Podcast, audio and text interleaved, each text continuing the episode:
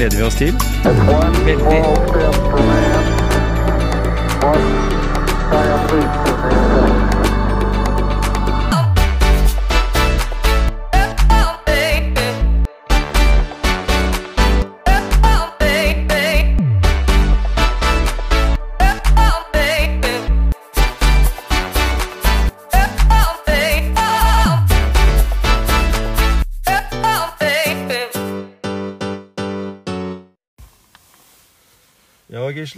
Er vi på vei til eh, Janne Bø oppe i Siljan. Vi er jo i en sånn spesiell tid nå med koronarestriksjoner. Vi sitter jo her med munnbind eh, begge to sjøl og i bilen din. Ja, nå, nå har vi valgt å ha på munnbind i bilen. Og vi, vi må være nøye, og vi vil ikke risikere noe nå. Så, så det, det får Jeg kjenner jo at det er jo litt unaturlig for meg, men jeg, som jeg sier til dere, at vi jeg har jo gått en del på ski i 20 kuldegrader og sykla ute med buff, så vi, vi, vi, vi er vel litt vant til det. Så dekket til munnen og sånn. det er, Men Ja. det, det blir kanskje litt sånn uh, Vi er jo opptatt av å fortsette å, å spille inn uh, motivasjonspreik. Ja, eh, viktig. på både den ene og den andre måten. Uh, Tilpassa disse tidene vi er inne i, da. Men allikevel så må det jo absolutt være lov å, å snakke med mennesker som på en måte har inspirert oss og motivert oss, da. Og, og Janne har jo gjort mye kult. Ja, Hvis du jeg, tenker, eh, tenker ting du, eh, du har jo en liste over ting som, som du vet at du vil snakke med henne om, og, og livssituasjonen hennes, og, og engasjementet for, for teater, kultur og, og, og, og det å være forfatter også. Ja, Mm. ja nei, hun, hun, hun har mange Jeg har jo liksom Det jeg kjenner til Janne, da, så har hun mange mange ting, da. Eh, som du sier, det med skuespiller, teater Og hun er jo utrolig aktiv på, eh, på den fysiske biten òg, da. Mm. Eh, jeg kunne godt tenkt meg å høre litt om den spennende turen hun hadde med å sykle langs eh, Norge på langs. Ja. Nordkapp Lindesnes. Mm. Eh, forberedelser og Ja. motivasjon. Hvordan For klarte hun å jobbe seg gjennom den lange turen. Mm. Eh, og, og så har hun Ja, så er hun som alle andre fra Siljan, så har hun vel hatt hoppski på beina òg, tenker jeg. Ja. og, så, og så tenker jeg det at eh, Vi var jo litt inne på det, men det her med å, å ha en jobb som, som på en måte La oss si at du er selvstendig næringsdrivende og du har kun én ansatt i firmaet, og du jobber stort sett aleine med det du driver med. Men du møter jo også mye mennesker da, som skuespiller. Mm. Men det er bare hvor, hvor, hvor, hvor mye det gjør liksom med om, om er det et ensomt liv, eller er det, er det mye aleine? Altså, det er mange sånne elementer da, som kan være viktig i en hverdag som det her, og spesielt denne her som blir vår eh, julespesial-episode. Ja, ja. Hvordan mennesker nå for første gang i hele sitt liv må, må leve med restriksjoner i forhold til en eh, julefeiring som kanskje er den mest sosiale tiden eh, i året som vi har i Norge, siden juletradisjonene sitter så sterkt hos oss. Mm. Med samle familie, venner, eh, ha hyggelig lag. Og så, og så kommer vi midt i en pandemi som, som kanskje ikke har vært mer utbredt i området vårt her òg som noensinne. ja. Mm. Så liksom, hva er ensomhet, da? Ja. Er det å være aleine, eller kan du være ensom selv om du ikke er aleine òg? Det er jo sant? også en Men sånn mennesker du omgås, ja, mye så, å si. mm, så det, er, det er det derre Selv om vi må kanskje være mye aleine, eller ikke være så mange i forsamling nå, da, Mm. så, så ligner vel det mye på det å sitte og skrive aleine. Ja, ikke sant? Og om det er ensomt, eller, eller om at ikke du føler deg ensom selv om du er aleine, da. Det Nei, er liksom jeg kjenner jo mange forfattere som på en måte oppsøker den situasjonen de tar inn på ei hytte langt oppe i ødemarka eller reiser utenlands når de kunne det, for å være borte for å skrive eller for å, for å på en måte bli kreative, så tenker jeg jeg blir jo akkurat motsatt, jeg, da. Jeg Mm. tenker at jeg måtte jo vært med de menneskene rundt meg som på en måte betyr noe for at jeg skulle få kreativiteten. Så det er også en sånn ting jeg eh, tenker på. Jeg skrev jo en bok sjøl som ikke tok fjerna meg noe fra, fra det nettverket jeg hadde rundt meg. Så, så, så det, vi har ulike måter å gjøre det på. Ja. Kanskje ville boka blitt enda bedre hvis jeg hadde tatt 14 dager på fjellet.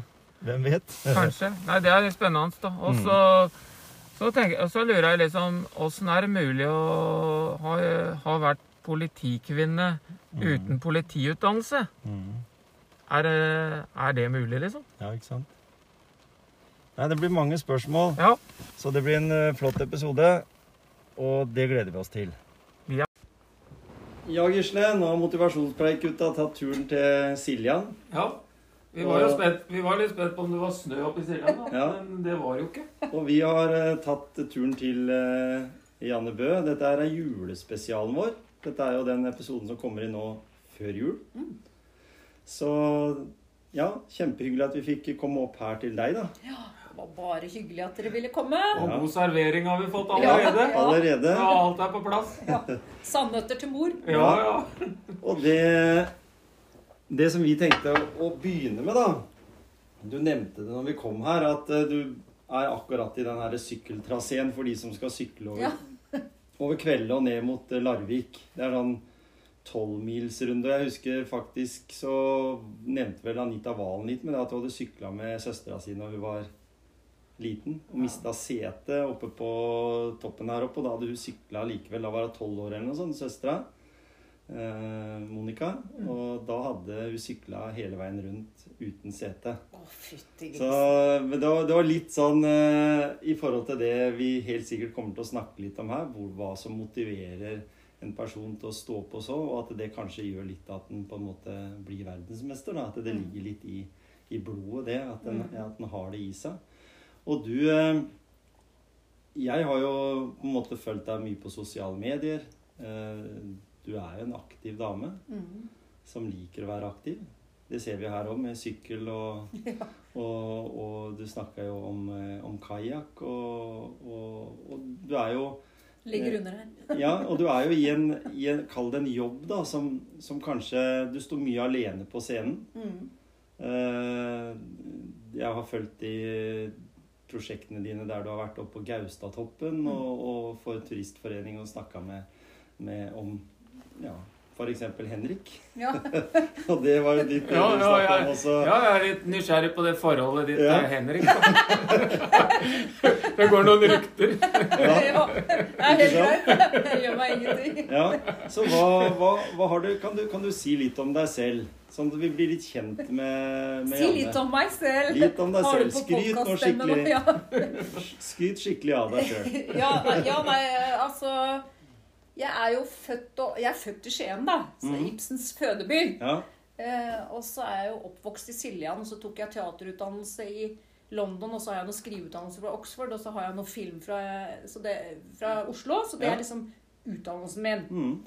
Og det er jo bare en liten del av, av eh, hva skal jeg si, grunnstammen i, eh, i um, yrket mitt, da, kan Mm. du si. Så Mm. det er jo bare noen hjelpemidler. Men resten er jo opp til meg. ja.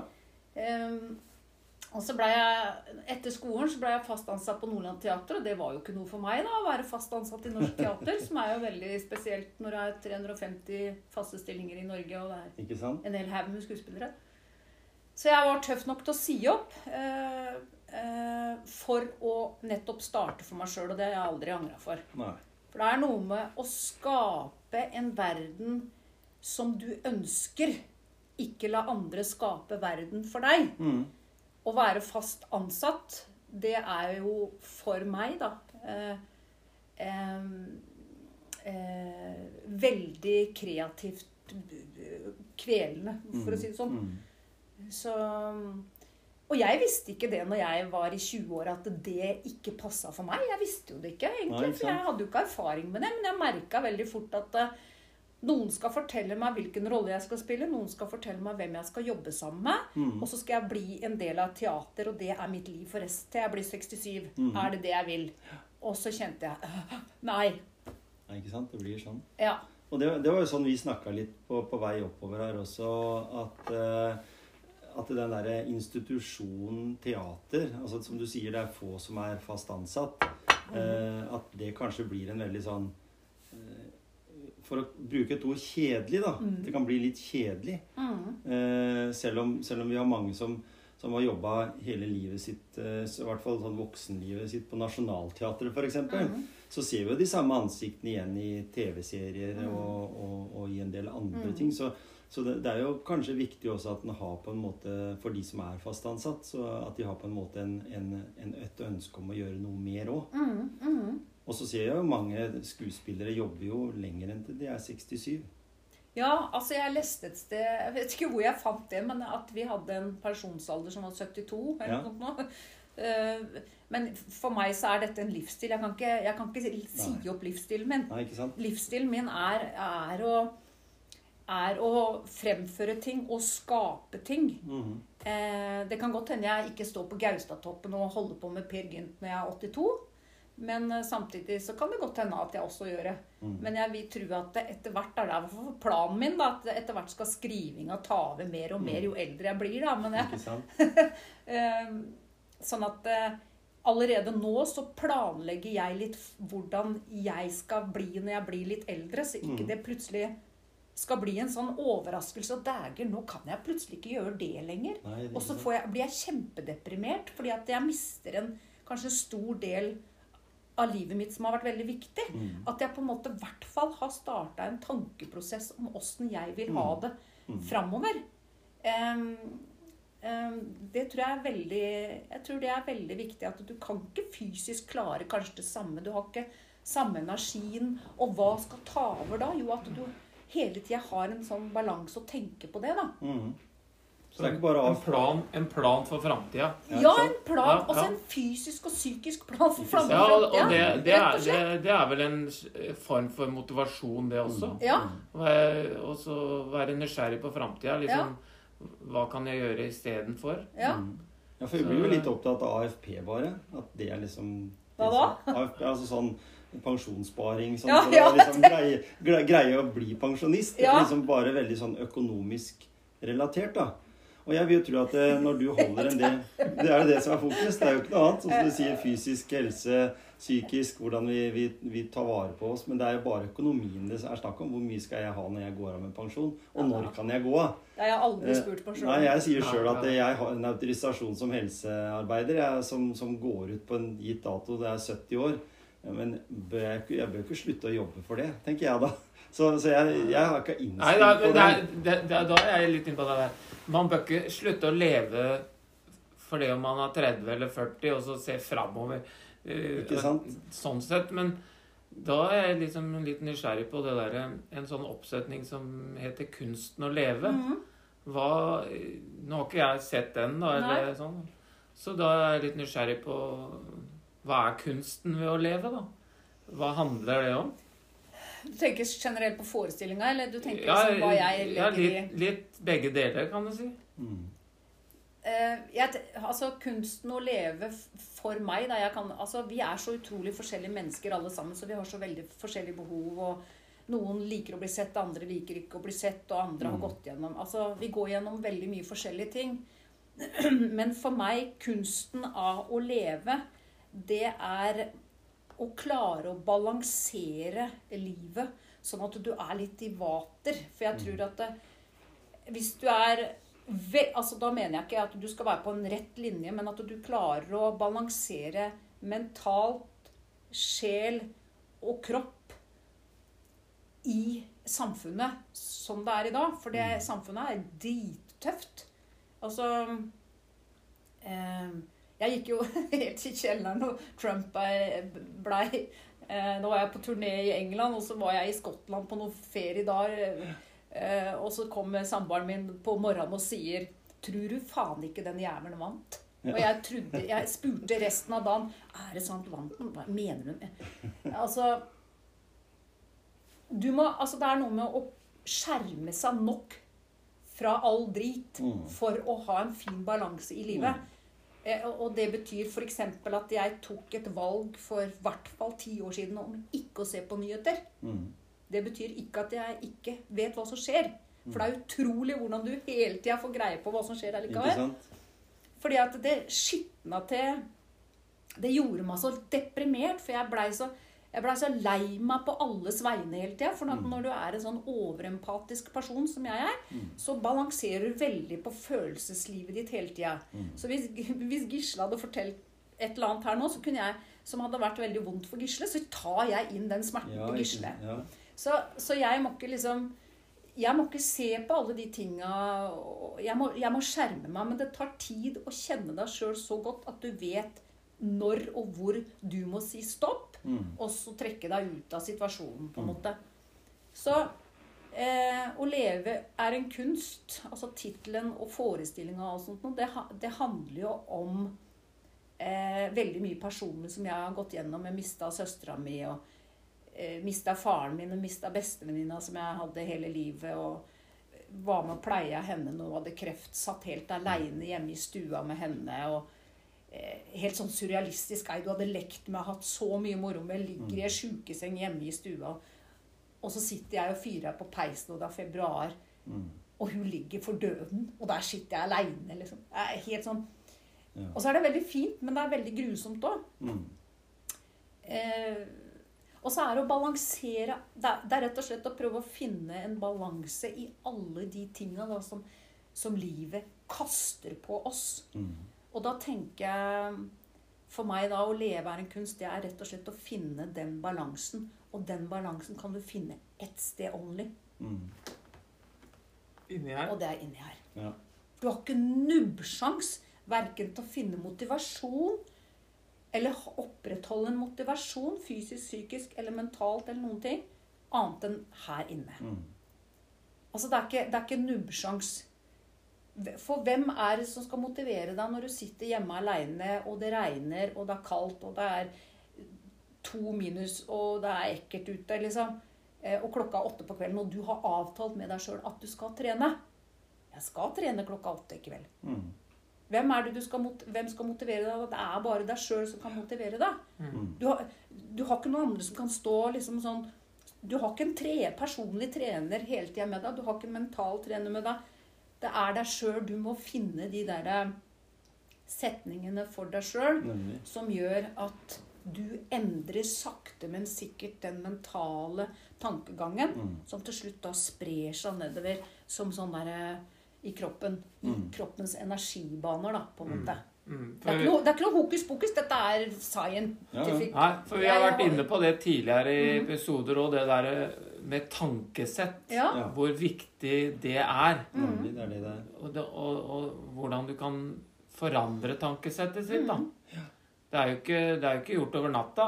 Nei, det Men, tar tid. men, men det, det kan jobbes med. For det er, vi, vi kjenner jo mange, og jeg kjenner meg sjøl, at tankesettet mitt har jo vært litt eh, gærent i forhold til hva jeg har, har ønsket, da. Ja, ja, ikke Altså, sant? ønsket kan jo ligge der sterkt. I det har jeg lyst til, men jeg klarer ikke å forandre tankesettet. Nei. Det er noe som sperrer det, da. Mm. Og det, det, det er jo mulig å jobbe seg gjennom. Mm. Og det mener jeg at, eh, at det liksom Folk der ute som, som har en drøm, da, Mm. om å få til ting som ikke de får til nå, Mm. og så forandre det tankesettet. Mm. Mm. Men det er, jo, det er jo ikke så lett, så kanskje man må ha litt hjelp. Kanskje man må prate med noen. Ja, jeg ville jo uten tvil, uansett om du er psykisk sjuk eller fysisk sjuk eller ikke sjuk i det hele tatt, eller du bare, du bare klarer ikke å komme ut av din egen stue, liksom, eller eh, Så tenker jeg det er så smart å snakke med noen. Ja. Og det er jo virkelig, ut fra mitt ståsted, tegn på styrke. Og, og å ta, ta tak i sitt eget liv, det er å ta den, den telefonen eller sende den meldinga Mm. og si 'Har du en time til meg? Kan vi prate litt?' Jeg går til sorgterapi, jeg. Mm. Det tok eh, Jeg tror det tok fire år jeg, før jeg ringte noen og, og, og, og, tenkte at det er lurt for meg å snakke med noen Mm. i forbindelse med søstera mi og sorg, sorgen over de tre menneskene som er helt nære, som jeg har mista. For det var bare over to år, så var, så var eh, referansene mine som jeg var vokst opp med, var borte fra meg. Mm. Og hvordan skal jeg fylle de høla igjen, liksom? Mm. Men nå prater jeg jo med Tobias om alt mulig, liksom. Og det er fantastisk. Eh, å ha en person som er helt utafor familien og utafor vennekretsen. ja, Som jeg kan liksom sitte der og snakke om, om bare ting jeg lurer på. Lufte liksom ting jeg Tenker jeg helt skeivt her nå, Tobias? Eller, eller er jeg liksom inne på noe? Og så kommer han med liksom sin visdom og sånn. Det er dritkult. Mm. Og det tenker jeg er veldig smart. Eh, Jeg fikk en, var en fyr som Jeg skrev noe sånt på Facebook et eller annet om at 'Elsk noe'. Deg, skrev jeg. Ikke sant? Eh, og så var det en som skrev et eller annet som har vært litt på eh, sånn innimellom. Eh, så skriver han Ja, men det er ikke så lett. Jeg føler meg så mislykka. Og så tenkte jeg at eh, jeg har jo ikke nubbsjanse til å svare alle øh, Men så tenker jeg hvis jeg skulle svart han, så hadde jeg jo først og fremst bare sagt til han at ta en tur til noen og snakk med noen Mm. Om oppvekst, om alle de tinga. Start der. For at du har jo ikke nubbsjanse til å endre noen ting før du har, før du har endra huet ditt. Sånn som hvis det er noen som har lyst til å Altså, jeg blir så jævlig provosert av ja, slanking, eller du skal miste vekt, du skal ditt og datt, du skal bli slankere, mist tre kilo nå, følg denne kuren på 21 dager. Altså, for noe forbanna piss! Jeg blir så provosert av sånt. For det hjelper bare akkurat de 21 dagene, og så legger du kanskje på deg doble etterpå. Fordi hjernen din har ikke innstilt seg på å miste de kiloa og endre den livsstilen. Neida. Så ikke tenk på slanking, ikke tenk på trening, ikke tenk på Hvis ting er veldig vanskelig, ta heller og ta en tur til noen som du kan prate med, Mm. for å endre sakte, men sikkert en tenkemåte. Mm. Og en Ja. Og det er jo Og det er, ja. Ja, det er nettopp det, og det, og det er jo å endre også våre urinstinkter òg. Det er en del av de tinga der. Fordi det, det er jo naturlig for eh, hjernen vår og kroppen vår å tenke mat, Ja. overlevelse, alle de elementene der. Jeg har gjort det i millioner av år, så ja, ikke sant? Og så blir det da sånn at vi skal, som du var inne på her tidligere også, at en skal gjøre endringer på det på veldig kort tid. Vi, vi, vi får en sånn rastløs, eh, hektisk eh, og, og ting må på en måte kanskje i 2020 da, så må ting eller, eller må det være spektakulært for at det skal bety noe for mennesket? tenker jeg på. Du, du, du må jo på en måte profilere deg. Mm. Du kan ikke være eh, gjemme deg bort bak en busk når du driver med det du gjør. Nei. Fordi du må bruke deg sjøl for alt det er verdt. Mm. Eh, Du er flink til å bruke sosiale medier, og har jo sikkert snakka med mange som, som da mener at det er den letteste plattformen å nå ut til mennesker på i dag. Mm. Eh, via tru. Mm. Jeg ser i hvert fall ikke ofte at du har sånne avisannonser der du annonserer Nei, Forestillinger, ikke sant? Nei, det gjør jeg ikke. Eh, men allikevel så får du jo på en måte media med deg, da, fordi Ja. du på en måte er flink til å trekke i litt tråder og sånn. Mm. Eh, og er det viktig for deg da? Fordi jeg tenker at en hvis du hadde jobba da som skuespiller bare og hatt et, et nettverk av en forestilling, så vet jo alle at en, mange av disse sit- setene er jo sponsa på en måte av, av myndighetene for at det skal gå rundt. Mm. Mm. Mens du står jo 100 jeg, Når jeg jobba selvstendig sjøl, så hadde jeg alltid det derre eh, problemet at det, all tid jeg hadde, blei regna om i penger. Så da blei døgnet for kort. Ja, ja. Fordi du jobb, jeg jobber jo innen data og IT og, Mm. og har jo drevet med mange forskjellige prosjekter, men Mm. uansett så blei alltid tid, og det tapper deg på en måte. Mm. Når vi snakker om økonomi, penger, alt må en jo ha. Mm. Eh, men i det øyeblikket jeg nå blei fast ansatt på, på sykehuset, så sier du hjemme at ah, da er det mye lettere at du kan få lov å gjøre det du har lyst til, Mm. fordi pengene kommer inn på kontoen Mm, liksom mm, fast, mm. siden du har jobba veldig urolig sånn i, i mange år. Da tenker jeg, Hvordan er det som, som frilans skuespiller og, og inspirator for mange å jobbe med Jeg vet at Ibsen er jo et sånt litt sånn sært tema. litt smalt. Ja, men jeg driver, jeg driver jo på med mye mer enn bare Ibsen. Da. Folk Ja, ja. tror kanskje at jeg gjør Men du har et eget, eget sånn selskap, eller Ja, altså, ja, sånn- kompani. i Ja. kompani, Ja. som eh, Men en, en av min jobb, og det altså er noe jeg tenkte på her om dagen, at ja, hvis faen er det Det er en ganske stor del av min jobb. Det er faktisk å filosofere. mm, For hvordan kan jeg ligge et hestehue foran de andre? Mm. Eh, så jeg har noen triks i boka som, som jeg holder litt sånn tett til brøstet. Mm. Eh, som jeg ennå ikke skjønner. Hvorfor i all verden er det ikke noen flere skuespillere her? I denne settinga. Mm. Hvorfor er det alltid bare meg Ja. som er kunstner her sånn? Her kan du lage mange avtaler. Og så er det der, og så er det der, og så er det i den settinga og i den settinga. Og jeg er like forbausa hver gang. Hvorfor er det ikke kunstnere her? Nei. Det er bare meg! Mm. I forskjellige uh, grupperinger. Jeg skal ikke ja. nevne men uh, Så det er noe med Min jobb er hele tida Eller en, en av min motivasjon og en av min som motiverer meg, da, det er å hele tida tenke litt annerledes enn det andre gjør. Det er derfor jeg har sannsynligvis 25 år i den bransjen her nå. Mm. Fra Siljan og til og med Oslo-folk snakker jo om hvordan klarer hun å få det til å gå fra Mm. Siljan. Mm. Ja, men jeg jobber jo ikke i Siljan. Nei, Jeg, hele verden er min arbeidsplass. Mm. Det er ingen begrensninger. Hvorfor, jeg jobber jo ikke i Siljan. Nei. Og som jeg sa til en psykolog en gang, som hun har brukt seinere Spiller ingen rolle hvor jeg skriver en bestselger. Jeg har ikke en bestselger. Men hvis jeg hadde skrevet en bestselger, kunne jeg skrevet den i skrivestua mi langt oppe i Grorud. Langt innafor elgenes rike, altså. Ja, ja. spiller jo ikke noen rolle hvor jeg skriver en bestselger, eller, en, eller, en, eller sånn som 'Å leve er en kunst', da, som har vært så populært. Mm. Det kan jeg jo skrive inni ei hule. ja. Jeg kan jo skape, skape noe som er dritbra inni en hule, eller langt innafor skogene, da, liksom. Mm. Men så må du jo ut der og promontere det og sånn. Eh, så det er noe med min oppgave når jeg sitter på kontoret oppe eller sitter på skrivestua eller hva jeg gjør, det er å ligge det hestehuet foran. Hvordan kan jeg tenke annerledes? Ha annerledes samarbeid? Skape noe ingen har gjort før. Som er jo helt umulig, egentlig. Det er litt av min jobb. Mm. Mm. Men er det ensomt? Det er veldig sjelden jeg sitter og kjenner på at å, nå skulle jeg gjerne hatt kollegaer. Ja. Nei, og, og hva er å være ensom? Det er Ja. også et spørsmål. Liksom. Ja.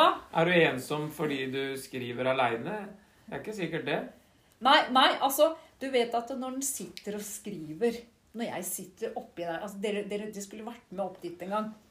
For da skjønner dere litt hva jeg mener. For det er nok mer enn meg enn noe. den Den lille skrivestua der oppe.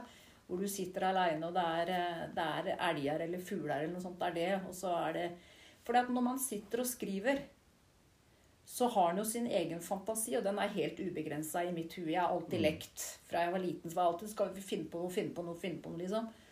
Eh, og den har jo ikke forsvunnet, heldigvis, etter hvert som jeg har blitt eldre. Så den fantasien I den fantasien så er det jo en hel haug med mennesker. Mm. Eller kanskje noen få mennesker.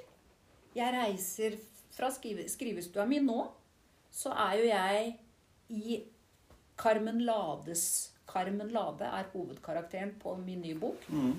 Hun er en keramiker som, eh, som går gjennom ganske mange ting om å starte på nytt på Island. Hun er norsk, men hun bare rømmer til Island for å starte på nytt. Mm. Pusser opp en kjerke der, og det skjer masse fint. Jeg er jo på Island ja, når jeg sitter der oppe da.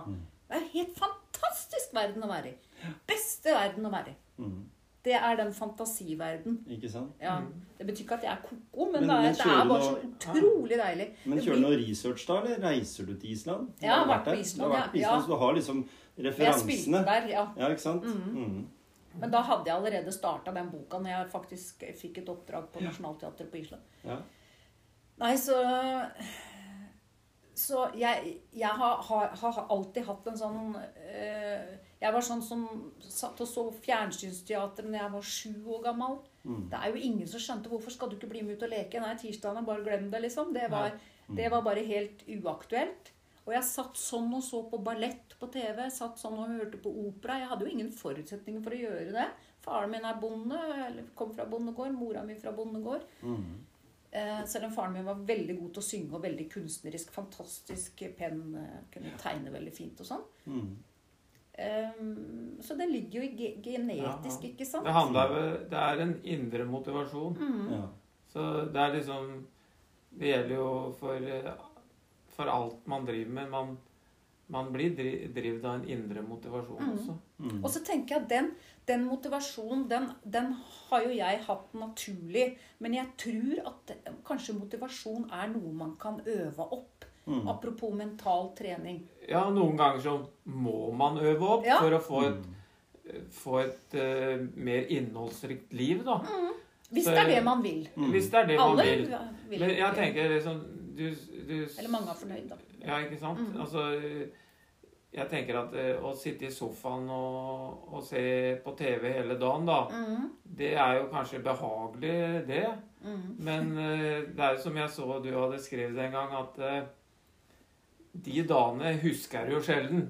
Ja, du husker De, ikke de, det er de dagene du er ute i naturen, Ja. ute på fjellet, Mm. så, som du husker. Ja. Mm. Og da Det så jeg du hadde skrevet, det, og det, det er jo en inspirasjon. Ja. Mm. For at det er en påminnelse. Mm. Mm. Og da er jeg litt eh, interessert i den turen du og Gro mm. hadde Norge på langs. Mm. Hva som motiverte dere til å ta den turen. Og litt om forberedelser og det mentale, for det er jo veldig langt. Ja, ja. Og, og liksom Jeg, jeg, jeg kunne Da er det et stykke. Ja, ikke sant? Og det, og det er mer enn bare det fysiske. Du må ha det fysiske. Jeg Ja, går ja, ut ifra at du forbered, har vært forberedt fysisk. da. Ja. Du er jo fysisk aktiv. Og, men allikevel så måtte du jo forberede deg litt spesielt mot det, kanskje. Og, men allikevel, den der mentale biten. Mm. Åssen åssen kom dere gjennom den? Mm. Eh, dere var jo to stykker, da. og dere har jo sikkert litt forskjellige meninger underveis òg, kanskje. Jeg vet ikke. Selv om dere hadde det samme målet, da. Ja, ja. Så den er, den er jeg litt interessert i å høre om. og Det tror jeg det er andre som er òg. Mm. ja, det er jo eh, eh, jeg glapp, Det glapp ut av meg at det hadde ikke vært kult å tatt Norge på langs i en eller annen samtale eh, et eller annet 2015 eller noe sånt nå. Og så fort den hadde sluppet munnen min, så tok Gro Knutsen tak i den der, der og slapp den aldri. Mm. Eh, litt sånn. Um, og så blei vi bare enige om da, da gjør vi det. Uh, og så uh, Mentalt sett så tok vi da Eller mentalt og fysisk Vi skjønte at det her måtte vi liksom bruke all erfaring vi har, da. Uh, hun har jo vært kaptein på Gjerpen og spilt eh, profesjonell i utlandet og sånn, så hun er jo beinhard både i egentlig huet og kroppen, hun altså. Så eh, eh, Men likevel så skulle vi jo være to stykker som skulle komme sammen og gå samme vei. Retning, på en måte. Og være sammen 24 timer i døgnet i uke etter uke etter uke etter uke etter uke. etter uke.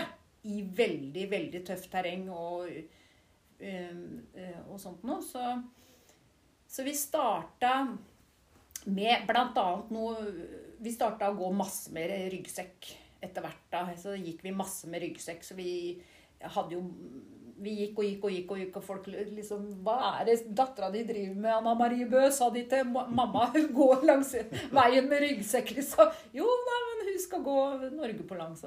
Ja, tror du er gæren! Ikke sant? Det er hele den pakka der, da. Ja. Ehm, men apropos det da med grått og trist og regn og hele pakka, det var liksom bare, det var bare eh, topp motivasjon, egentlig, å få på seg ryggsekken og ut og gå. Mm. Og så gjorde vi også sånne ting som eh, Ok, eh, vi kan oppleve hva som helst på Norge på land, selv om vi skal gå sommerstid. Mm. Vi hadde jo full snøstorm eh, i, i, i, en u, i et tidspunkt der på sju dager hvor vi ikke hadde dekning noe som helst på telefon. Sju dager så visste ikke folk hvor vi var. Sju hele dager. Det er lenge, altså. Er lenge. eh, hvor ikke folk visste om vi faktisk levde, eller om vi, hvor vi helt var hen. Bernt hadde litt sånn anelse hvor vi var, for vi hadde jo satt opp ei sånn Men likevel. Eh, men eh, vi hadde sånne testturer da i forkant hvor vi f.eks. Eh, vi så på værmeldinga eh, og prøvde å finne det verste været som overhodet var mulig. Og så stakk vi til Kallovd, og så gikk vi til Mogen, og, eller gikk i området der sånn. Mm. Så det var liksom sånn eh, to grader, spøs pøs regn, helsikas vær, ikke sant? Da reiser vi på telttur! Ja. Eh, og så var det helt i begynnelsen, før eh, liksom bruene var lagt ut og, og sånt nå, så visste vi at eh, nå skal vi øve på eh, kryssing av elv. Mm. i dette dritværet. Og, og ja, masse sånn forskjellig, da. Bare for å kjenne på det. Mhm. Eh, er det å være helt dyvåt inn i telt? Åssen funker alt dette her, selv om jeg hadde ligget litt i telt fra før av? Eh, og over elver og sånt nå. Så vi fant, vi fant i hvert fall ut at uh, tre lag Gore-Tex-bukse uh, Det fungerer nesten som en våt Nei, som, et, som en våtdrakt. Du blir varm. Så vi hadde en Vi, vi kryssa en elv uh, der snøen og isen lå på sida. Og tar selvfølgelig aldri av oss på beina. Det gjør man ikke. Nei. Eh, vi kommer til en elv som vi visste kom til å være veldig stri. Eh, og så ligger ei dame uti der. Tviholder på en stein midt uti den elva som buldrer som Fabian. Og så er det en dame på andre sida av elva som hadde klart å komme over elva. Ei dame ligger med trusa liksom litt sånn nedpå låret. Sokken hadde flydd av gårde eh, med elva. Hun ligger og kjemper for livet, og så er bikkja på andre sida. Og så kommer Gro og meg gående. Og jeg, jeg bare litt sånn tydelig som, Gro, du må, du må ut og redde hun dama. Så Gro vasser ut og får tatt hun dama Det høres veldig enkelt ut. Det, ikke, det er ikke så enkelt. Eh, Men hun, vi, vi får nå i hvert fall redda hun dama og få tatt hun på andre sida. Hun var jo helt livredd. Blåfrosten. Nei, det var helt sjukt. Og så får vi tatt den bikkja over. Eh, eh, så det var en, en av de overfartene. Så vi fant en veldig sånn fin vei. Og grunnen til at vi kunne klare å gjøre det da, mm. det var for at vi hadde allerede øvd i den elva. Ja, ikke sant? Ja. Så vi visste akkurat hvor vi måtte gå hen, mm. og så visste vi hvordan vi måtte gå. Mm. Eh, for den elva, den Én ting er eh, kulda, men en annen ting er jo når en elv er veldig, veldig stri. For hvis du mister balansen da, så, så er du Da er, nat da er naturkreftene større enn deg. Ja, herregud, ikke ja. Ikke sant? Det er jo bestandig. Mm. Eh, men da eh, fant vi ut hvordan er det mest sikre å krysse en elv eh, når du ikke vet egentlig hvordan den er. Og da fant vi ut at å holde tak i hverandre og alltid ha en stav, helst Men har du ikke stav, for vi går ikke med stav, Nei. så hvis ikke du tilfeldigvis har det, så er det holde tak i hverandre, og så går den ene ett steg. Og så står jeg helt Er du stø nå? Ja, jeg er stø. Da kan du gå ett steg. Og så går du ett steg. Mm. Og så står Gro helt stille. Er du stø nå? Ja, jeg er stø. Og så går jeg et steg. Mm. Sånn gikk vi på det verste. Um, ehm, og når vi da hadde funnet den skikkelig bra løypa, og egentlig var på vei til å gå videre, så kom det jo mennesker hele tida, så vi endte opp med å hjelpe folk over den elva i én time. Mhm. Gikk vi, sto vi i den elva. I én time. Og det gikk fordi at vi har tre lags Gore-Tex, som er som en eh, våtdrakt. Ja. Så vi holdt oss varme. Det høres Mm. helt sprøtt ut, men det var erfaringa vi gjorde. Mhm. At, du, at vi blei ikke kald, kalde. Nei, nei. Um, Men å gå en sånn tur da eh, du, Det er jo to måter å gjøre det på. Dere kunne bare fulgt veien. ja. Ja, Dere valgte den eh, vanskeligste ruta. ja, så vi ville jo ut, ut Lofotkysten og sånn når vi først Ja, ja. um, Så vi sykla jo fra Nordkapp til eh, Trondheim cirka, da. Mhm. Eh, og da ville vi jo ut Lofoten og sånn. Eh, vi hadde jo litt lyst til å innom Manshausen og besøke Børge Ausland. Ja, ja. Men så er det liksom noe med at Nei, vi kan ikke gå Snøhetta, og så kan vi ikke Altså, vi kan ikke ta alle de. Nei, da, vi aldri, da kommer vi aldri hjem.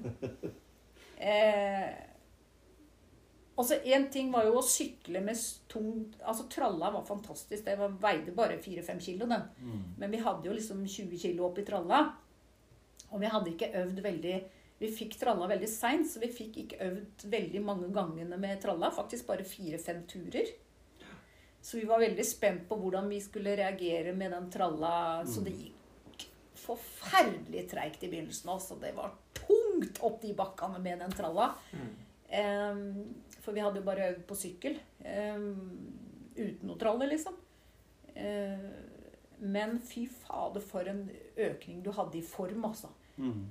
Fra da til da til da. Du kjente nesten forskjell. Fra hver tredje dag så var det liksom Dæven. Og den formen bare Vi var i god form fra før av, men fy flaten for en økning du hadde, hadde på sykkel, altså. Helt fantastisk. Og så var jeg Vi var veldig spente når vi skulle begynne å gå. Eh, for det å gå med tung ryggsekk, der du hele tida skal være i aktivitet for faktisk å komme framover Du kan ikke sette deg på et sklibrett, liksom. Eh, kontra sykkel hvor du får hvilt litt. Mm. Ikke sant? Eh, det var vi veldig spent på. Men så hadde vi jo gått veldig mye med sekk. Så det var liksom ikke noe big deal. Det høres fælt ut, men vi hadde virkelig mentalt, psykisk og fysisk gjort en veldig god jobb da, de to-tre åra før vi gikk Mm. og sykla. Som Mm. gjorde at, eh, at vi hadde ikke noe Og det høres kanskje kjedelig ut, men vi hadde ikke noe store problemer eh, i det hele tatt. Vi hadde ikke noe gnagesår. Vi hadde ikke noe eh, Ja Første uka var ganske tøff sånn sykkelmessig sett. Jeg var beinstiv i beina. i beina. Jeg klarte nesten ikke å Låra var helt så det bare sto som noen sånne trommer. Eh, Men det var første uka, og så gikk det over. Men sånn, men sånn mentalt, da. Det er, det er liksom ikke sånn at du står opp om morgenen fra teltet eller sånn, så kikker du ut og Ja, fy fader, i dag regner det. Oi, da blir det forferdelig. Ja. Så, da, da blir det litt tyngre, da. Ja. Jeg tenker at eh, kanskje dere hadde noen et strategi på det mentale òg, ja. Sånn. Ja, vi, hadde, vi, vi blei enige om det at eh, det er ikke lov til å komme med sånne uttalelser som 'Åh, jeg er så sliten'. Mm. Altså, ikke begynn på det, for at det er liksom noe med at det, ordet 'sliten' det har en plass i huet vårt. Mm. Og når du snakker om ordet 'sliten', da, så på en måte går den ned i energibanen igjen. ikke sant? Mm. Og den gjør visse ting med kroppen. Mm. Du blir ikke noe mindre sliten når du sier 'jeg er sliten'. Nei, ikke sant? Jo mer sliten du sier du er, jo mer sliten blir du. Mm. Jo mer lykkelig du er, i hvert fall later som, Mm. jo mer kan du omprogrammere hjernen til å bli lykkelig. Mm. Ja. Men, men når du sier det at, eh, når du sier det at dere hadde eh, sinnssykt med forberedelser, så er jo det da ja, vi Eh, ble forberedt av varske opp. Ja, ja, du, men du, Mm. du, en kan ikke forutsi i forhold til distansen. Nei, Altså nei. det, det at du ikke får eh, gnagesår, Mm. eh, kan jo for mange som tøyner litt grenser, da, Mm. så kan jo det være en, bare en tilfeldighet. Mm. Men, hvis en, men, men det du vil antageligvis fram til også, er jo at planlegging er veldig viktig. Mm. Mentalt også. Ja, altså Fysisk kan du jo trene og trene og trene og trene og bli sterk Ja, ja. til å greie distansen. Mm. Men det er de elementene som du sier du møter på veien, Mm. de, de menneskene dere møter, de utfordringene eh, Mm. underveis, som du ikke kan på en måte forutsi. da. Du Mm. kan planlegge sinnssykt mye, men, men akkurat enkelte ting er jo bare Det bare dukker opp der Ja, og da. ja.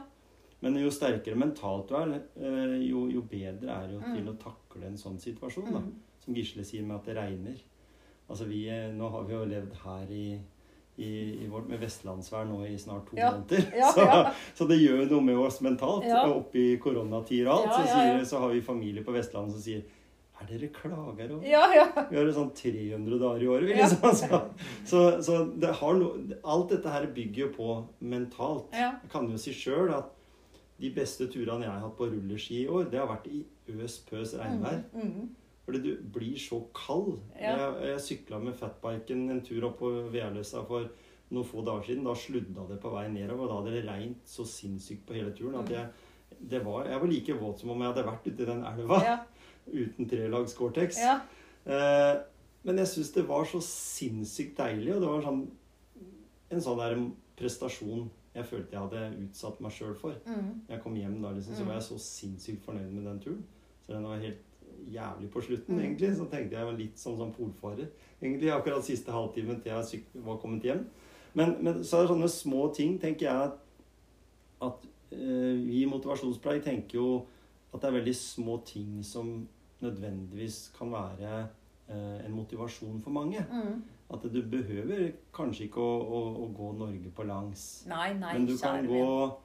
Grenland på tvers. Det, er, er mange måter å bare liksom tenke sånne små ting også. Fordi noen av lytterne våre tenker sånn at det, det er jo helt usannsynlig for de i det hele tatt å ta tak i det som du snakker om nå. Mm, mm, Fordi det tar tid. mm, Du må bruke masse tid. Mm, Forberedelsene. mm. Hele selve turen, hvor lang tid brukte dere? Ni uker. Ni uker, ikke sant? Mm. Det er jo helt sinnssykt. Jeg har en venninne inn i Oslo som, som jeg har jobba litt med nå og, i, i noen måneder. Og hun kasta ut her at hun hadde lyst til å gå denne her, denne her eh, stien, eller denne veien, fra Oslo til, til Nidaros. Mm. Ja, Eh, pilegrimsferden.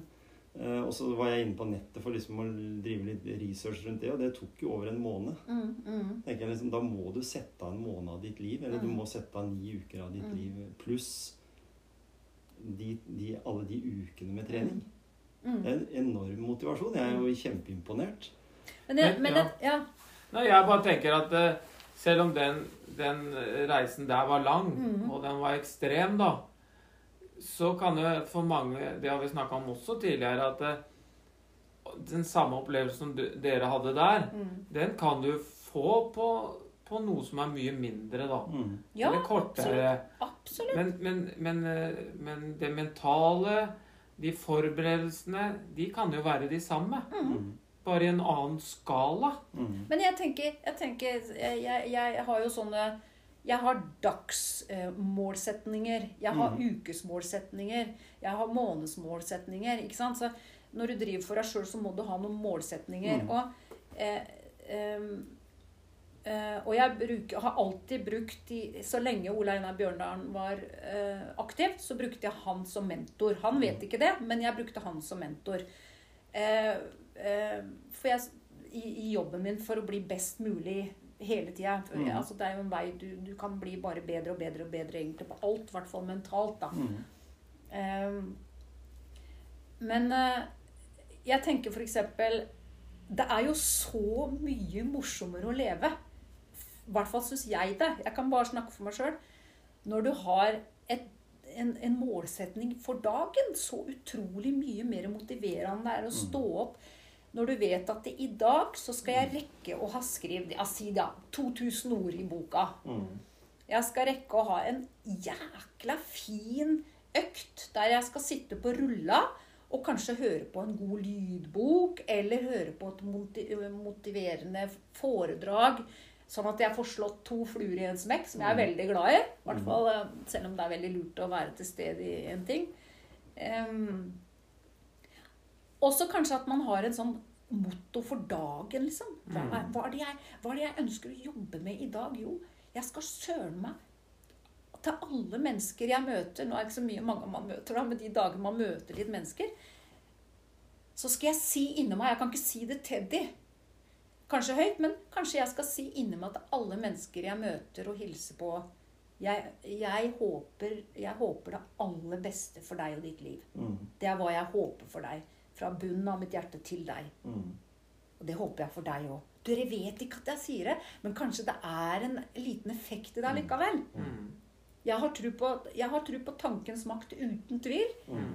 Eh, og jeg tror at når jeg da tar deg i handa og har det som motivasjon at jeg ser deg, du er viktig, stå på med det gode jobben, så tror jeg du kjenner det i mitt håndtrykk, og du ser det i mine øyne.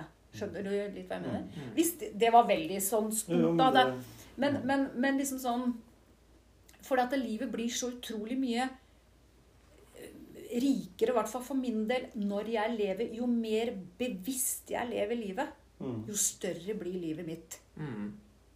Og jo mer føler jeg at det har en verdi, da, livet mitt. Mm. For at å ikke være bevisst Når jeg drikker en kopp kaffe, så drikker jeg aldri bare en kopp kaffe. Jeg ser mange som jeg sitter i møter med, de sluker den kaffen. De merker ikke at jeg har drukket tre Nei, kopper en gang på det møtet. Eh, men når jeg sitter og drikker en kaffe, så er det nesten litt sånn hellig. Da, der holder rundt kruset, og det er varmt, og det er godt, og jeg slurker Altså, det er sånne små mm, altså, Det er noe med sansene som skal settes i gang. Det er noe med å kjenne at dægen, jeg er en del av noe som er så mye større enn meg sjøl. Mm. Og samtidig så er det kanskje de minste tinga i livet som er de aller fineste og sykeste og deiligste. Mm. Det å være bevisst Ja. på, på det som Leve skjer. bevisst, leve bevisst, Mm, leve bevisst. Og, Og så noen ganger sånn, så tenker jeg liksom sånn Hvorfor reagerte jeg sånn? Hva er det med meg som gjorde at jeg reagerte sånn, og du sa det, eller du sa det? Eller? Mm. Hvorfor reagerte jeg sånn da? Ikke sant? Hvis jeg liksom fikk en sånn litt sånn dårlig oppfatning av et eller annet. Liksom, Mm. Hvorfor? Hva er det i meg som gjør at jeg reagerte sånn? Mm. Og så prøver jeg å nøste innover i det. Mm. Istedenfor å bare alltid Å, herregud, han er så sånn, eller hun er sånn. Altså, for da er liksom Vi har jo alle så forskjellig reise. Det er liksom noe Mm. med Mm. reisen, reisen vi har, da. Mm. Som er så forskjellig. Og så er det liksom noe Det er så fint å sitte og undre seg over ting. Mm. Hvorfor eh, Hvorfor eh, reagerte den sånn, eller har jeg reagert eh, Ja, ikke sant? Det er Å leve livet bevisst, altså, det gjøres så utrolig mye større. Det gjør alle Mm. ting så mye større. Mm. Det er noe med liksom bare Når jeg sitter på, i skrivestua mi og ser ut Mm. så ville mange tenke sånn at eh, Du har jo ikke noe utsikt her, da. Eh, jo, det har jeg. Visst har jeg utsikt. Jeg har en vanvittig fin utsikt. Hvis du ser akkurat mellom granene der, som sola kommer inn, og så ser du litt av vannet der, og, og så ser du det gamle bygdetunet der, Mm. og så ser du alle åra som det er brukt å, Mm. å bygge opp den låven. Tenk på alle de menneskene som har, som har gått på dette tunet. Eller jeg, om ikke jeg ser det for mitt indre, men så kan jeg kjenne på det likevel. Ikke Jeg- det er så utrolig mye mer. Og det jeg Mm. tror, for å komme dit, så må man være litt stille. Mm.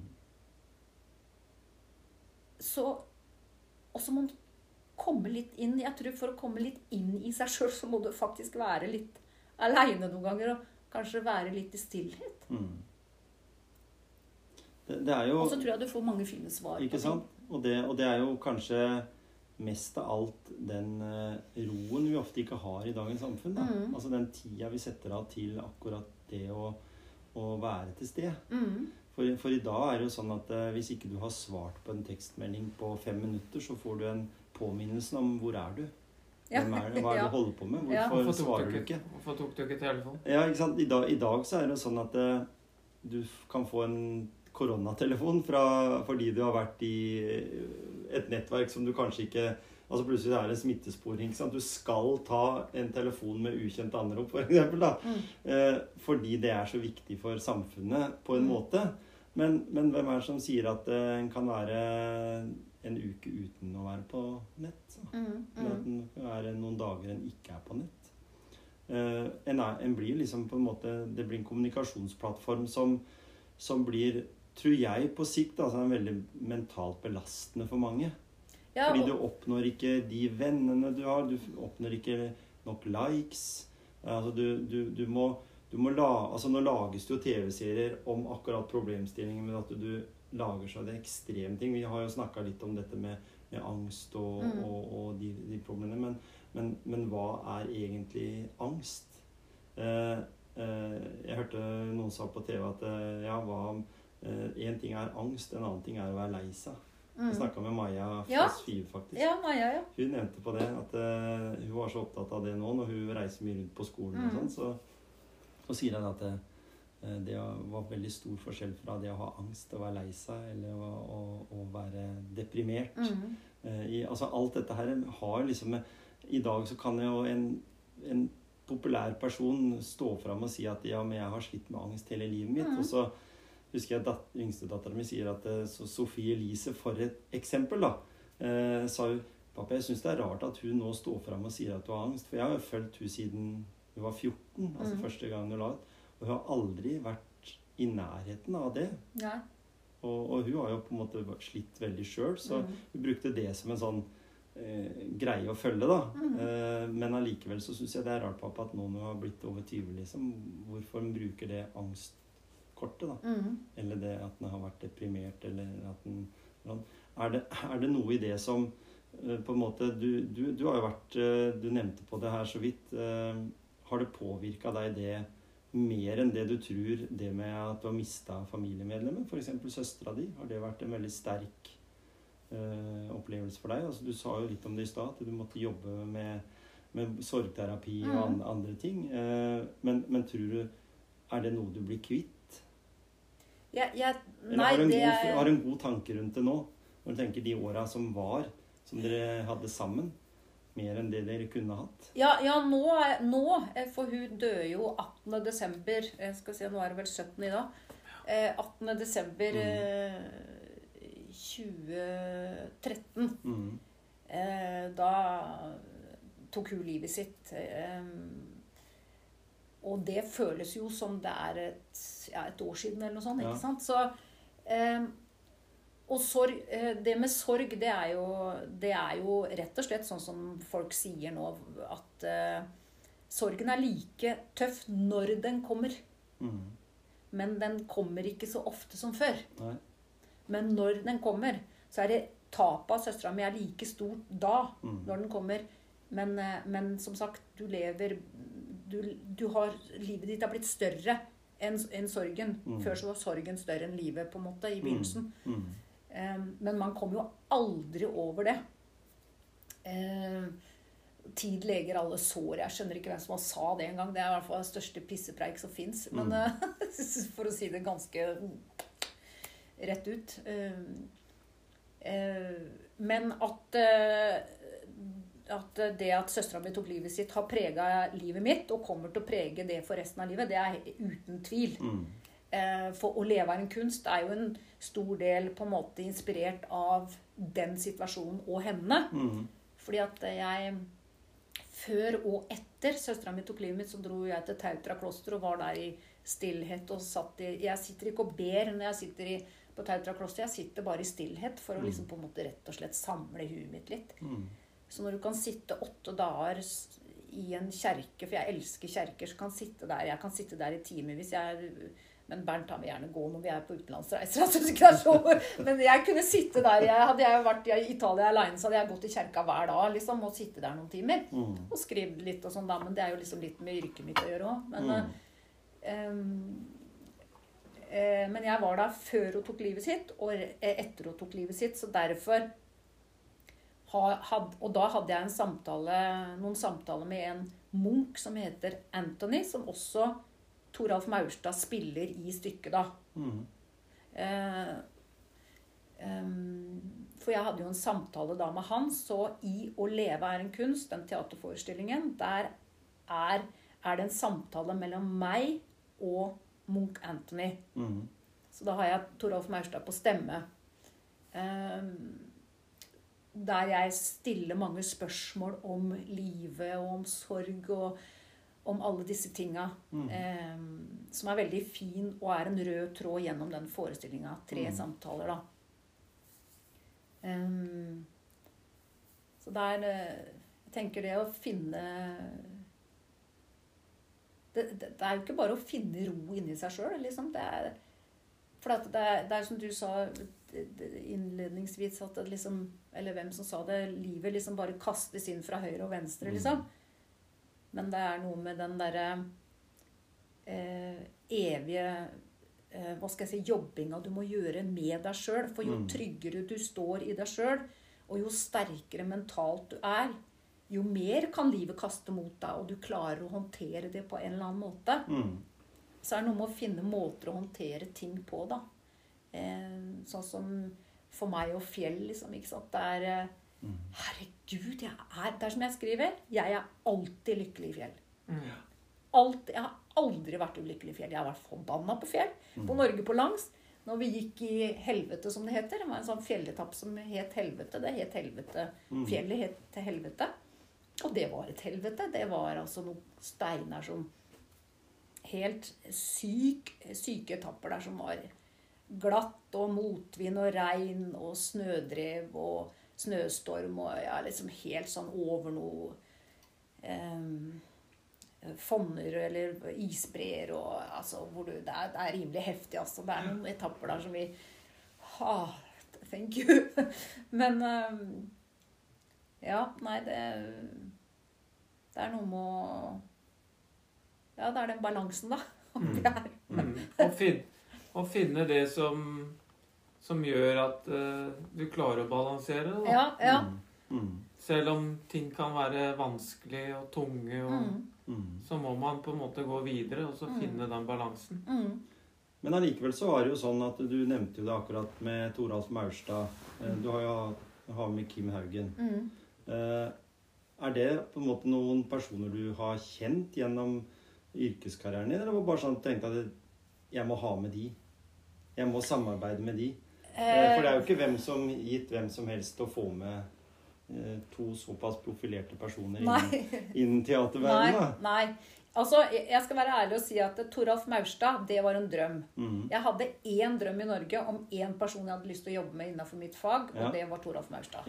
Ellers så har ikke jeg noen sånne Å, jeg har så lyst til å jobbe med den, eller det har jeg ikke. Det er bare Toralf Maurstad. For han, er, han er en del av en helt annen greie som ikke vi har Mm. Lenger. Han er, er den siste, han og Espen Skjønberg, liksom. Um, og så skulle vi egentlig jobbe sammen i en annen film en gang, eh, Mm. så jeg hadde snakka med litt tidligere. Eh, men jeg spurte, så var det liksom bare ja. Så det Og Kim har jeg altså jobba med mange ganger nå. Ja. Ehm, så Og vi har blitt kompiser og er veldig glad i hverandre, på en måte, så Mm. ehm, Så Så det var veldig bra at jeg hadde Kim på regi, for eh, han var veldig, det var veldig ålreit med meg og Kim og Toralf på kjøkkenet i Soria Moria. ja? Holmenkollåsen den dagen når vi tok opp disse tinga. Så det var Mm. veldig greit å ha med meg Kim den dagen der, kjente jeg. Ja. Mm. Ehm, nei da, så Jo, men apropos det, da. liksom sånn eh, Hva er det du kan få fra folk hvis du spør? Altså, Mm. Hvis det er noen du har lyst til å prate med, sånn som dere i denne Mm. podkasten For eksempel, hvis det er noen, så, så, tenk, så er det noe med Sånn som sånn jeg har tenkt, det er ingen som er st- for store for meg å spørre. Nei. Hvorfor det? Hvorfor skal det være det? Nei, det skal Skal jeg, være skal jeg sette en verdi på meg at Mm. Nei, jeg kan ikke spørre han eller hun fordi at jeg er mye mindre verdt. Bullshit. Nei. Mm. Sorry, det er jeg ikke. Jeg er ikke mindre verdt enn deg. Jeg spør. Og hva kan jeg få? Jeg kan få et nei. Fordi det ikke passer. Fordi For det ikke passer, eller, Ja. eller fordi de ikke har lyst til å være med i forestillingen. Ja, eller, for altså, det ja, ikke sant, det passer ikke. Og det er helt greit. For er det noe skuespillere er vant til, så er det for nei. Mm. Mm. Vi får ja én gang, og så får vi 30 nei. Ikke sant? Men tenker du at det er sånn du har begynt å tenke nå når du har, har passert 40? Ja.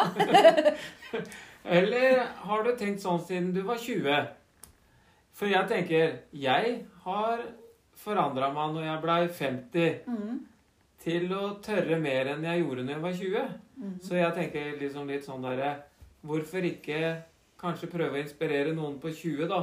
Mm. Som Og tørre det før de er 50. ja. Der var poenget. Ja.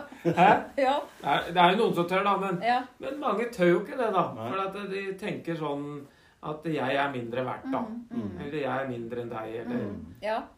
Så det var veldig bra du sa det der, Ja. altså. Mm. ja, for det er så lett å si at liksom eh, Eller at eh, f.eks. folk med mange, masse penger Vi har en utrolig respekt for folk med masse penger. Vi blir liksom sånn ja. Ja, er du klar over hva han er god for? Han er god for 100 millioner. Å, fy faen. Og så skal han komme hit. Å, alle blir litt sånn rett. Hvorfor det? Ja, ikke sant? Jeg kjenner, jeg kjenner flere som er gode for 100 millioner.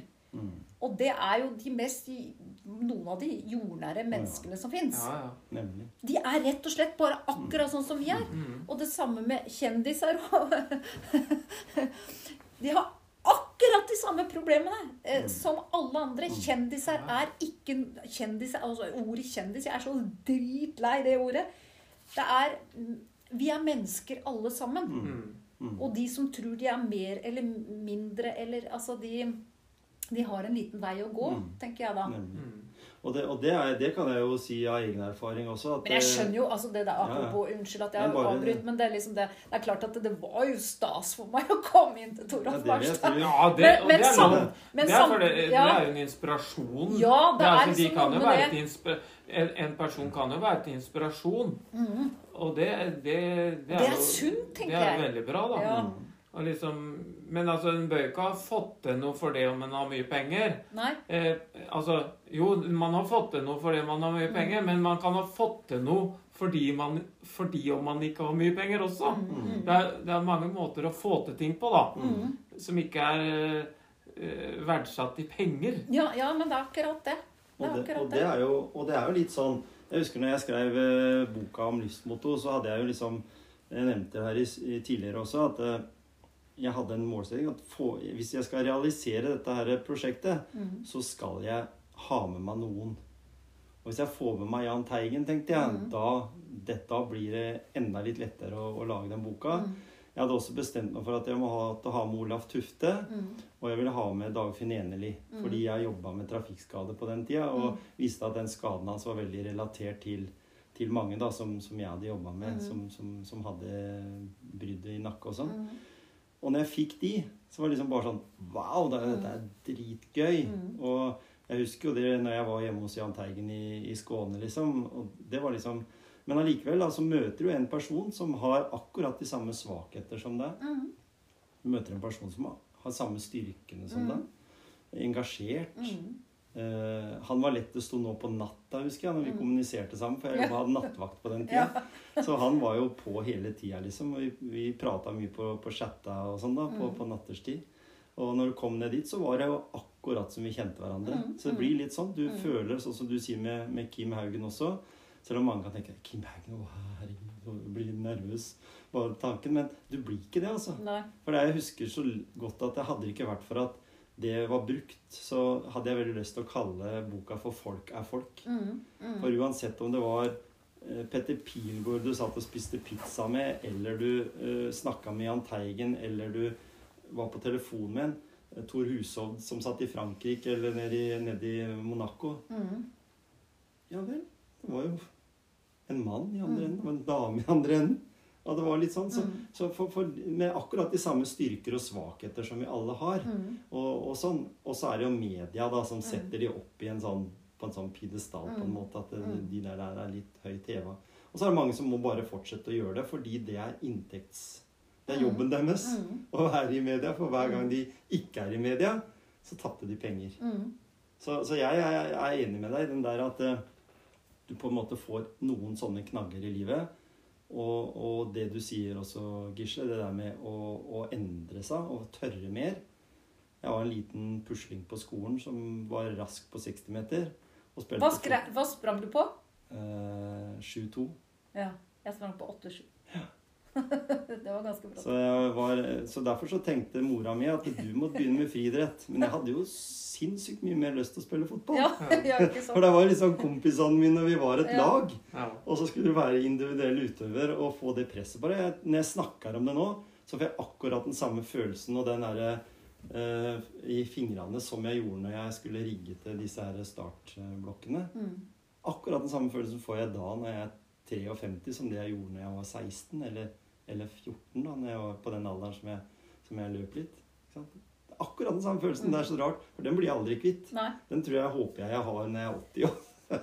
Ja, men det er jo liksom Det er jo kanskje den som eh, Det er jo akkurat det du snakker om nå, det der med hvordan opprettholder du motivasjon? Mm. Og hva kan du gjøre for å opprettholde motivasjon til å fortsette trene og Mm. eh, og, å, være nysgjerrig på livet, da, og fortsatt være litt naiv, helst. Og, Mm. eh, og, være, men være nysgjerrig på livet og vite det at det er jo så sykt mye moro og så mye å lære. Mm. Hvordan kan man fortsette å, å ha en sånn type motivasjon? Mm. Det er vel kanskje egentlig det som er det store spørsmålet med tanke på at når man blir 30, 40, 50, Mm. 60, 70 Mm. Og det er jo det Det er derfor Kim Haugen og meg går så godt sammen og har jobba så mye sammen. For han er jo ti år eldre enn meg. Mm. Men du skal søren meg leite lenge etter en som er mer engasjert i faget sitt. Altså. ikke ja. Han er helt enorm. Og det er så gøy å se på en som sitter her Ja, men er, altså, han er jo så, Mm. han er så kjapp i replikkene. Så jeg følger jo nesten ikke med. ikke sant? Eh, og så tar han aldri pause, så det er ikke noe kaffekopp eller noe sånt. Altså, det er bare Ja, ja. det tempoet der sånn. Men jeg liker jo sånne folk, da. Ja, ja. Men han, han, han er heftig altså, å jobbe Mm. med. Jeg er mye mer Hva? glad for at du gjorde det enn Ja, det, det, var, det var smertefullt. Kom med det nå, Gisle. Eh, Nå, nå har vi jo vært her og prata på inn- og utpust alle mann egentlig nå i en god time. Ja, ja. Eh, Vi nærmer oss eh, slutten på, på dette besøket. I hvert fall i forhold til podkastintervjuet. Ja, ja. Eh, og det ikke lytterne våre har fått med seg, er all den praten vi har hatt sånn utenom, om andre utenomsportslige ting. Ja. Men eh, Ja. da hadde du et spørsmål, eh, Gisle, som Nei. vi snakka litt om på veien hit. Nei, jeg, jeg, er bare, jeg er veldig fornøyd, ja, for jeg visste noe som ikke du visste. For Mm. når jeg snakka til deg at uh, Janne hun har vært politikvinne, men jeg, jeg er ikke sikker på om hun har utdanna politi. Men, men da, da så jeg at du blei litt forskrekka, for det hadde ikke du fått med deg. Nei. Jo, Men jeg, jeg har fått med meg det, at Ja, Janne hun det er faktisk politikvinne. Men, jeg men er hun utdanna politi? Jeg bare tenker på den filmen som jeg kikka på, jeg, på fra Sandefjord. Det er helt Du husker ikke sjæl? jo, jo da, det var vi hadde noen scener med Sven Nordin og litt sånn eh, Det er helt utrolig at noen tror Det var faktisk noen som trodde at jeg var politidame. Ja. Ja. Men jeg er jo skuespiller, da, som spiller politi i den der Deadline Torp. ja, stemmer. Det er ganske utrolig at noen Ikke sant? Men folk trodde Jøss, nå har Janne begynt å Når jeg var med i offshore òg, husker jeg, så var, så var jeg jo spiller, spilte jeg jo ei som eh, som var leder på et hotell. Og jeg lurte har Janne skifta jobb Altså jobber Janne på et hotell? Nei, hun er skuespiller, Ja, liksom. ja. Ja, ja. Så jeg er ikke Men jeg har vært gift med en politimann. Mm. Gift og, og samboer med en politimann i elleve år. Så du hadde litt hadde- erfaring til rollen? Ja, jeg hadde litt erfaring i rolla. Ja, Ja. inside information. Ja. Ja. Ja, det var Ja, det er Men det er jo, da er jo det en, en god eh, attest å ha. At du spiller så bra at du liksom får det kortet, da. Det er det du, det du er. Ja, For, ja. for, eh, for du har jo også vært med i reality. Ja, ja, ja. Jeg liker jo liksom en- å si at det var liksom kunnskaps... øh, Ja, ja. Anno, faktisk. Ja, ja. Ja, men det Ja. må jeg jo si er kanskje en av de få realityene jeg har sett. Fordi veldig mange ganger når det kommer sånne ting på TV, så ser jeg kanskje første episode. For meg så er jo Skal vi danse også det, da. Det er sånn reality-greier. Mm, Så jeg så første episoden. Jeg så første Jeg så Kurt Nilsen ble eh, Idol-vinner. Ja. Men etter det har jeg ikke fulgt med på det i det hele Nei, tatt. nei. Så det er mange ansikter og personer som liksom kommer i media for meg som eh, Ok, er det jeg som er gammeldags eller ikke følger med, eller Ja, hva er det ja. liksom? Men du, du kan jo ikke mestre å være med på alt. Men akkurat nei. den var jo litt sånn kunnskapsbasert. Det var liksom i et miljø som på en måte, For jeg, jeg tenker sånn Farmen Ja, det var Jeg så kanskje to episoder av den første. Mm. Men, men etter det så ble det liksom for mye intriger, og det ble liksom Mm. så falskt. Det er liksom sånn jeg, jeg husker at eh, jeg snakka med Jan Kvalheim en gang, og vi Mm. prata om, om det med 'Mesternes mester', for han har jobba veldig med det. Ja, han kaster jo det. Ja da, han er Ja. jo skaffer jo alle de som er Ja. med der. Og så, så sier jeg det at det, er det liksom sånn Vi er jo vant til å se liksom eh, eh, krangler og uenigheter og sånne Mm. ting. Ja, det redigerer vi bort, sier han. Å, Hvis det okay. skjer. Ah, ja, ok. Men alle her er så dønn profesjonelle, og Mm. dette skal være en hyggelig opplevelse Mm. for folk. Det skal ikke være sånn at, at du skal se at den ble dritforbanna. Fordi det er en enorm eh, konkurranseinstinkt i de mesterne da, Mm. som da er med Ja, i dette det programmet. Så han sier at det er en jobb å gjøre, men vi vil at det skal være, og det Dag Erik også sier, at det skal være en god opplevelse for folk Mm. å se dette her. Se mennesker som samarbeider, og det gjør de jo i 90 av tida. Mm. Mens det er veldig mange andre sånne realities som tar de og legger den krangelen om til 90 Mm. Mm. isteden. Ja, Og så får vi en sånn situasjon som bare gjør hele serien utrivelig. Og du, Mm. jeg føler sjøl at dette her orker jeg ikke å sitte og se på. Nei. Tenker jeg, da. Men jeg er kanskje treig. Ja, ja, du er, det, er jo, det er jo noen som liker òg. Ja, mange som liker det. Og så kan jo man si om det er riktig eller ikke. Men påvirker det da på noen måte? Kan det påvirke deg? Du som er da skuespiller, liksom, så er du Du sier, nevnte at ikke du fulgte nyheter og sånn, men, men du leser jo kritikker, gjør du ikke det? Som skuespiller? Eller bare tenker at 'jeg vet hvor god jeg er'? Så, eller dette er, jo, men, jo, dette er så bra.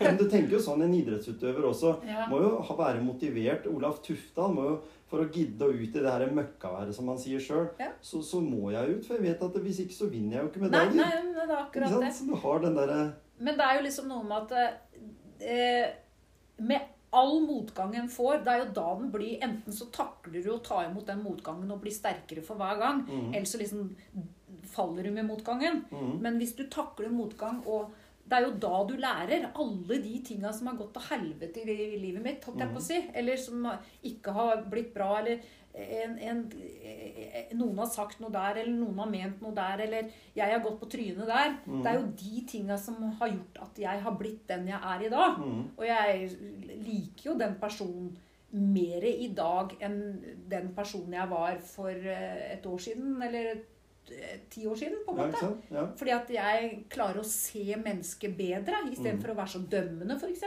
Mm. Ikke at jeg har vært sånn megadømmende person, men jeg har absolutt vært mye mer dømmende. Det er så, det er så lett å si liksom Herregud, så merkelig han eh, var, liksom. Ja, men vet du noe om livet hans? Mm. Til hvorfor han reagerte sånn? Vet du egentlig liksom noe om livet hans? Nei, du gjør ikke det. Mm. Så ikke si sånn før du vet litt om livet hans. Nei. Og når du, Det er så du, farlig. ja, ikke sant? Og når du er skuespiller og du er i- innen i den bransjen der, da, Mm. så tenker jeg i hvert fall sånn i utgangspunktet at, det, at det, du, du må jo møte noen veldig mange personer som er litt høye på seg sjøl. Jeg tenker på sånn Du nevnte Sven Nordin. Jeg kjenner han jo litt, da. Mm. Eh, og så, så når kona mi og jeg var i Vi tar alltid en sånn tur til Oslo, for, i hvert fall før koronatida. Så tok vi to-tre sånne turer. Og var der i noen dager. Mm. liksom Bare for å være liksom på hotell og, Mm. og oppleve ting. Og så er vi blitt veldig glad i Kampen da, i Mm. Oslo. liksom Mm. Gamle strøket der oppe. Mm. Og han bor jo der oppe. Mm. Og sånn, så jeg har jo sendt melding til han bare liksom, Har du noen gode tips til noen restauranter og sånn. Du får svar. Mm. Sier at gå dit, og skal du ha god øl, så gå Mm. dit. ikke sant? For han vet litt også, følger med på hva jeg er interessert i, og Mm. kan litt om øl. ikke sant? Så, så, så tenker jeg liksom at det, Også i neste øyeblikk så ser du liksom Wisting på TV der han spiller med amerikanske store Mm. Så tenker jeg hvor, hvor mange som tenker at Wow, der er- kommer Sven Nordin. Mm. Og så tenker andre at Ja, halla. Liksom. Mm. For det, for det, fordi vi er jo på en måte så, så, så har du møtt mange sånne i, i, i din skuespillerkarriere, det har du sikkert gjort, som er veldig høye på seg sjøl, og så kommer de liksom, så blir du kjent med de, så viser det bare at de holder den avstanden fordi de er de kanskje litt usikre sjøl òg?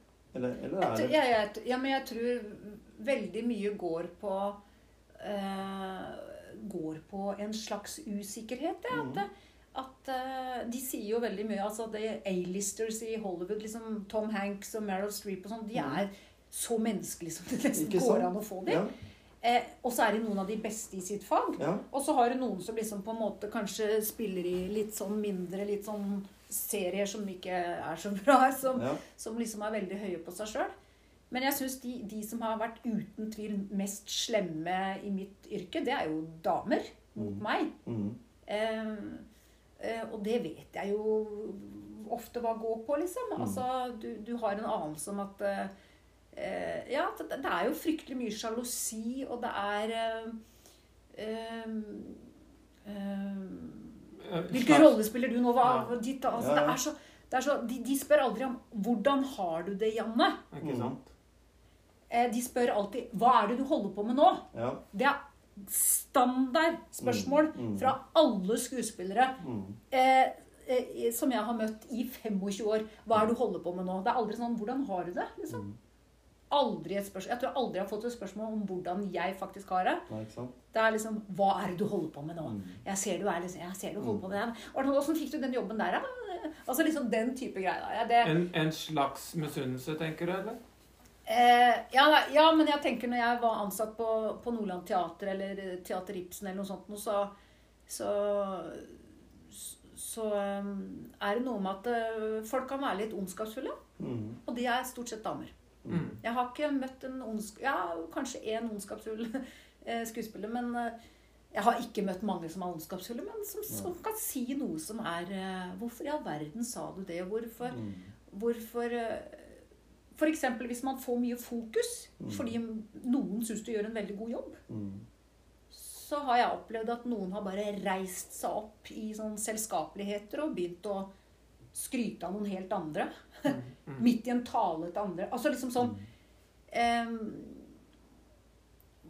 Hvor jeg nå skjønner jo hva det kom fra, men Mm. den gangen jeg var yngre, så skjønte jeg ikke jøssen om dette er veldig rart, liksom. Snakker, Ja, ja. Altså, dette var veldig spesielt. Ja.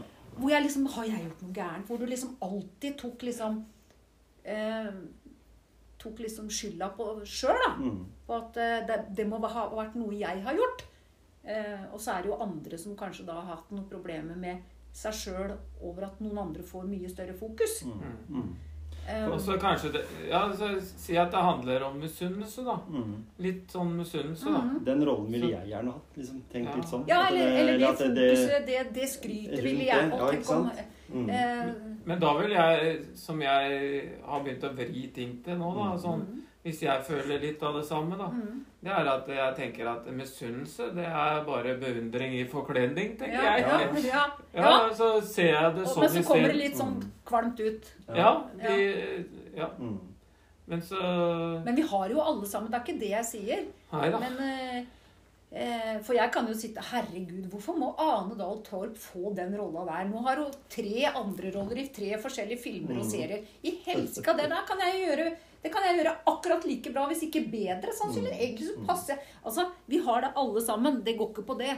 Eh, men i mitt fag så, så er det liksom kvinnene som er absolutt eh, de mest ondskapsfulle. Og jeg har møtt Mm. noen som, som jeg overhodet ikke vil jobbe med igjen, for å si det sånn. Mm. Mm. Men det er ikke mange. Vi Men da, snakker men om har bare en én eller to. Ikke sant? Og da har du sånn uttalelse sånn som var det ikke Leste jeg et sted Var det Sharon Stone eller noe sånt som, som følte at du var gått ut på dato? At det var på en måte en sånn Blant menn så bare blei de bedre og bedre årgang etter hvert som de blei ble eldre. Sånn som Mm. du sier, Toralf Maurstad er jo en sånn som alle i den bransjen har Mm. sinnssykt respekt for. og Han er Mm. fortsatt like god.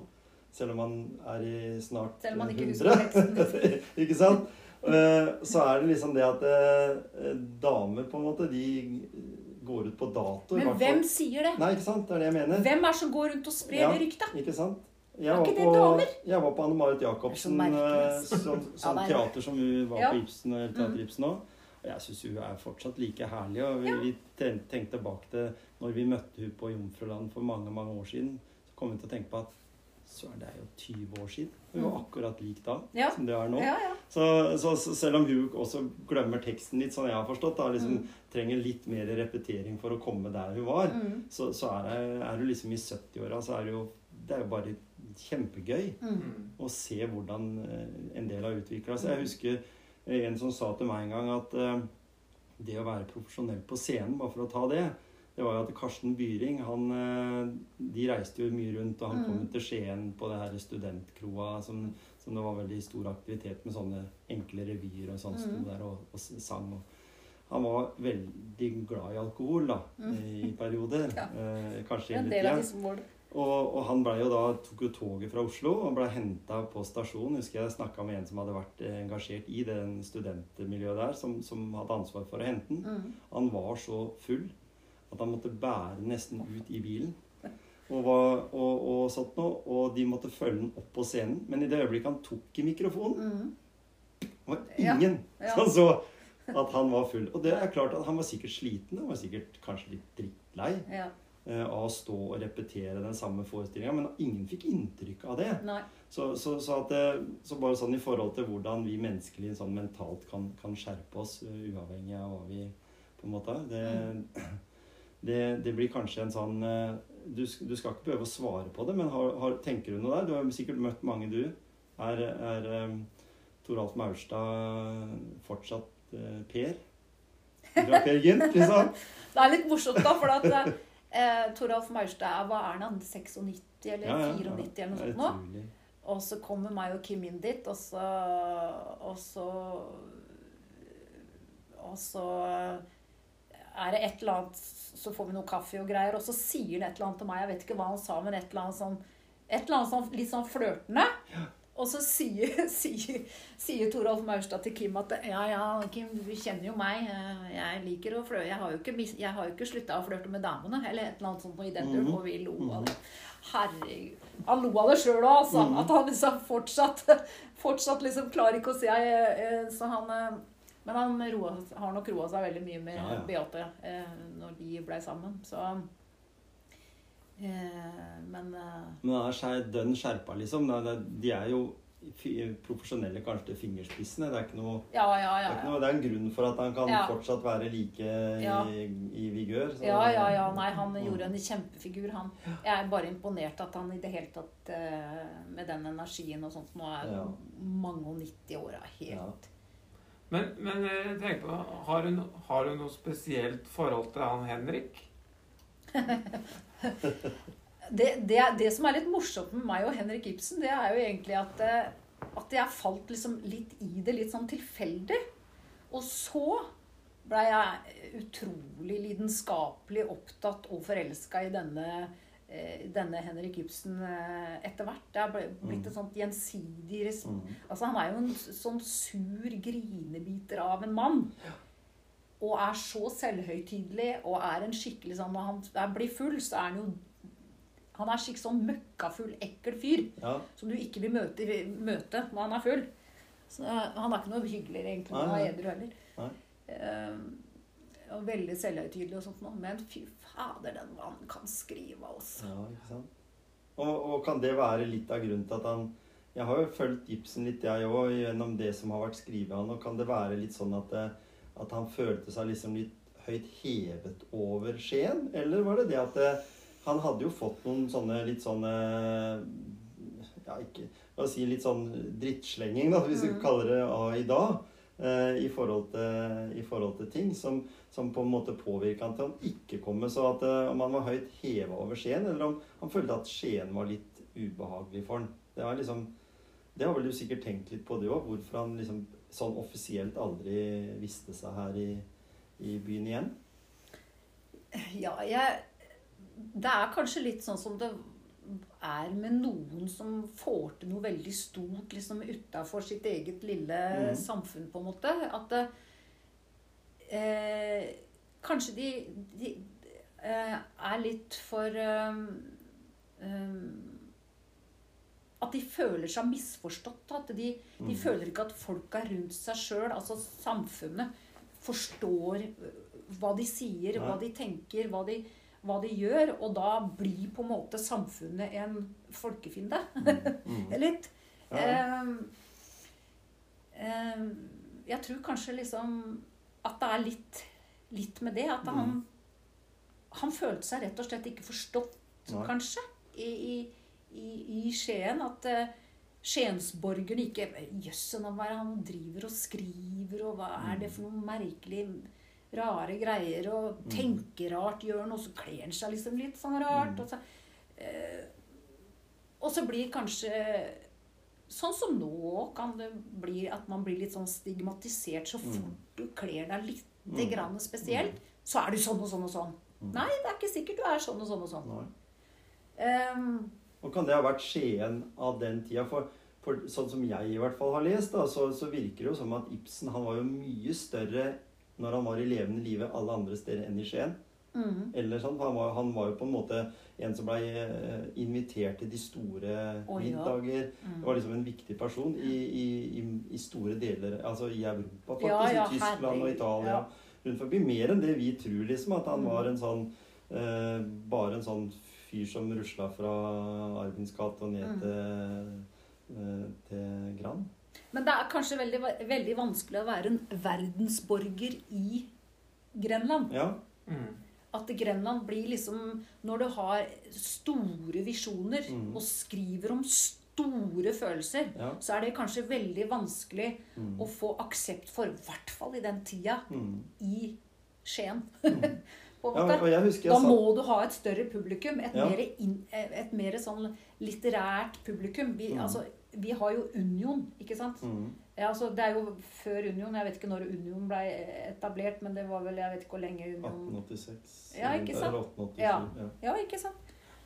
Um, så det var jo før eh, Det var Etter Ibsens tid. Men uansett så var det jo tømmerfløting. Ikke sant? Ikke sant? Det var, Men jeg tenker jantelov, da. ja, ja. Selv om mange sier at det er, vi, er lider vi av det. Vi har jo snakka om det før, Gisle og jeg òg, det med janteloven og, Mm. og liksom sånn at du blir på en måte ikke tro at du er noe fordi du kommer fra Grenland, liksom. Mm. Fra Skien. ja. Men det har jo vært en av mine Apropos jantelov. Ja. Det har kanskje vært en av mine største kjepphester. For jeg, er liksom sånn Kjepphest, er det riktig ord?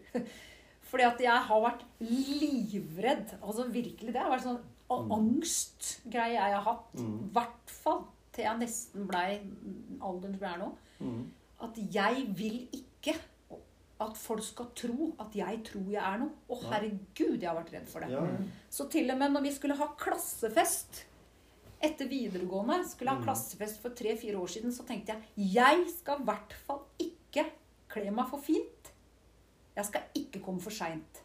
Det er to ting. Mm. Jeg skal ikke komme svinsende inn kvart over sju når vi starter sju.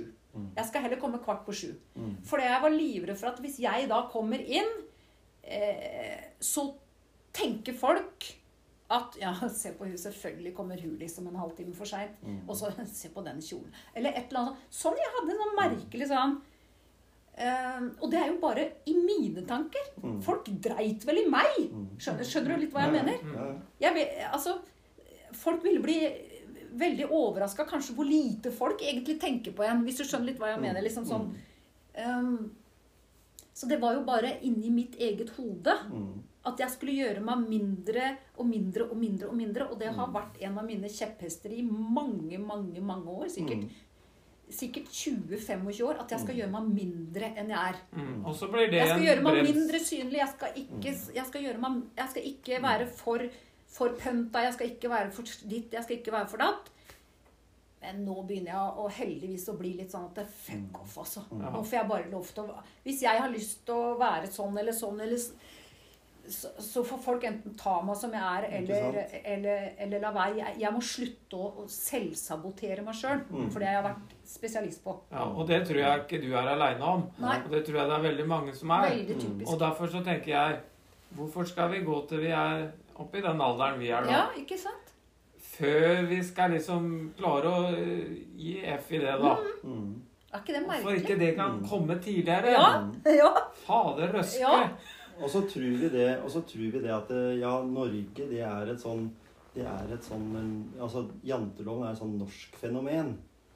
Men så husker jeg stilte det spørsmålet til Benedicte Adrian mm. her litt for litt siden, og så sier, eh, sier jeg at eh, ja, for, men, vi, en har jo, et Kanskje dere hadde et problem da i, i, på 80-tallet Mm. med janteloven og witch witch og hele alt dette her, sier jeg. Nei. Jeg har bodd noen år i Frankrike, sier jeg. Mm. Der er janteloven enda oh, ja. sterkere. Oh, ja, den er det, ja. Så da, vet, da har jeg tatt det til etterretning at ok, da er det ikke så, så ille i Norge. Men vi har jo i oss det der industrielle samfunnet. Jeg husker jeg stilte spørsmål til Hedda Foss Five en gang, fordi jeg, jeg lagde en sånn en, en øl som heter Hedda. Mm. Eh, og den var jo jeg hos da hun, vi prata litt om den og sånn. Eh, det var ikke henne jeg hadde oppkalt den etter, men Nei. det blei jo det òg. Ja. Eh, og, og sånn, og da husker jeg hun sa det at eh, For jeg var veldig opptatt av at jeg syns eh, Ibsen var så utilgjengelig. Mm. Syns han satt på en sånn pidestall, og så var det noen få i området her som fikk lov å eie den. Men hvis du skal prøve å få eh, noen til å eie Ibsen, Mm. altså hvis folket skal eie Ibsen, Mm. så må de vise han fram som en helt annen person enn det. Ofte sånn hvordan barn Ibsen var, da. Det er lett, liksom lettere å si. Ja, ellers må de sier- komme på mine forestillinger. Dere to burde jo vært på mine forestillinger. Ja, ja, vi, vi bør det. Og da tenker jeg det at Ibsen Og det er ikke en teaterforestilling. til. Nei da, men han må gjøres tilgjengelig. Ja, Gjennom sånne ting som du sier, Ja. og gjennom skuespill. og jeg følte jo at vi møtte mye motstand når vi lanserte en øl som vi solgte forresten 4500 flasker av. Oi, ja, Så det, det er ganske mye. Det er ikke noen effekter som jeg sa som har solgt så godt eh, i det hele tatt. Nei, ikke sant? Uh, av, av sånt, Men allikevel så møtte vi motstand og fikk Mhm. beskjed om at uh, nei, hvis ikke du gjør det sånn Og det er ikke Ibsen-relatert nok, for vi prøvde liksom å finne fram elementer av uttalelser Ibsen hadde sagt som hadde med mat og alkohol å gjøre. Mhm. Og han var jo glad i begge deler. Så, så, så, så vi tok det liksom i en annen vinkel enn akkurat den, eh, den eh, dramatikeren eh, Ibsen. da. Mm. Så, så, så, så det jeg vil fram til, er bare liksom at, at han er jo en person som vi syns er spennende. Mm. Eh, mange syns han er sikkert kjempetreig. Noen har jo bodd i Skien og aldri lest noe annet Mm. i det hele tatt, Mm. eller hørt noe som, som helst om han. Eh, og derfor så tenker jeg at det, du har lagt eh, vekt på en person eller en, en story som på en måte er litt spesiell, da, og så fremfører du den da på en måte som, som folk lettere kan forstå, vil jeg tro. Som Gisle og jeg for så vidt har gått glipp av da, en, eh, en, en Ja, sånn. det kommer tider som dere kan forstå. Ikke sant?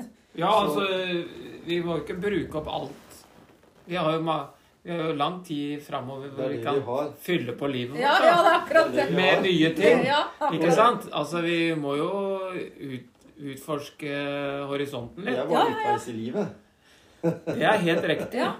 Det er veldig viktig, og vi Ja. skal leve livet hver For du dag. snakka jo bare om hva du skulle i 80-åra, men du snakka jo ikke noe om 90-åra. Nei, ikke sant? nei, Nei, nei, Så Jeg sier alle de, og jeg sier at eh, jeg har jo på en måte kanskje også som person eh, fått eh, evnene nå når jeg er kommet over 50, for nå har liksom barna flytta ut. Eh, du er økonomisk eh, bedre rusta Mm. enn den har vært på lenge, som kan Mm. realisere en del av disse drømmene. Og når jeg nevnte dette her med å løpe, ikke sant, så, så sitter det jo en liten sånn i meg som tenker at eh, i dag så kan jeg jo løpe, men jeg kan jo ikke konkurrere med den jeg var. Nei. Eh, Men jeg konkurrerer med den jeg er nå. Mm. Og det er jo litt sånn som, som du nevnte her i forhold til det med, med skuespillere. At den på en måte litt kanskje misunnelse rundt det. Eh, Men du føler deg kanskje mer som en enda mer moden eh, eller formidler i dag enn det du gjorde for bare, som du sier, kanskje et år, to, tre, ti år siden. Ja, Det som er så bra med faget vårt, det er at jo eldre jeg blir, og jo mer kjøtt på beina jeg får, mer erfaringer og opplevelser jeg får, jo bedre skuespiller blir jeg. Mm. Helt til jeg slutter å huske tekst og vet hvor jeg er. Ja, ja. Ja, ja. Da kan du gjøre Eh, ting det er det. det som det, med, uh, Glenn Close, Glenn Close i Fatal Attraction, Mhm. blant annet, uh, fantastisk skuespiller, hun sa det at jeg begynte jo ikke å bli god skuespiller før jeg passerte 40.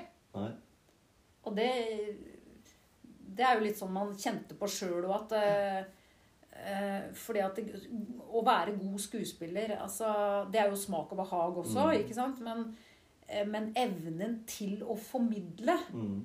um, det kommer jo også med erfaringa du får fra Mm. publikum. Og jo mer erfaring du har publikumsmessig, jo bedre evne har du til å formidle. Mm. Og så er det noe med å velge hva vil du formidle. Mm. Hva er det som går hjem, hjem hos, hos deg, på en måte, Mm. og hva går hjem hos deg? Mm. Men hva går også hjem hos de ti som sitter der? Mm. Og klarer jeg å lage en forestilling som faktisk favner alle sammen, Mm. så har jeg liksom Som jeg gjorde med 'Å leve av en kunst', Ja. for eksempel.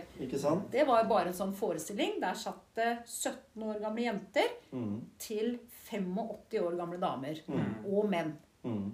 Og de grein alle sammen. Ja, ikke Ja, sant? ikke sant? Ja.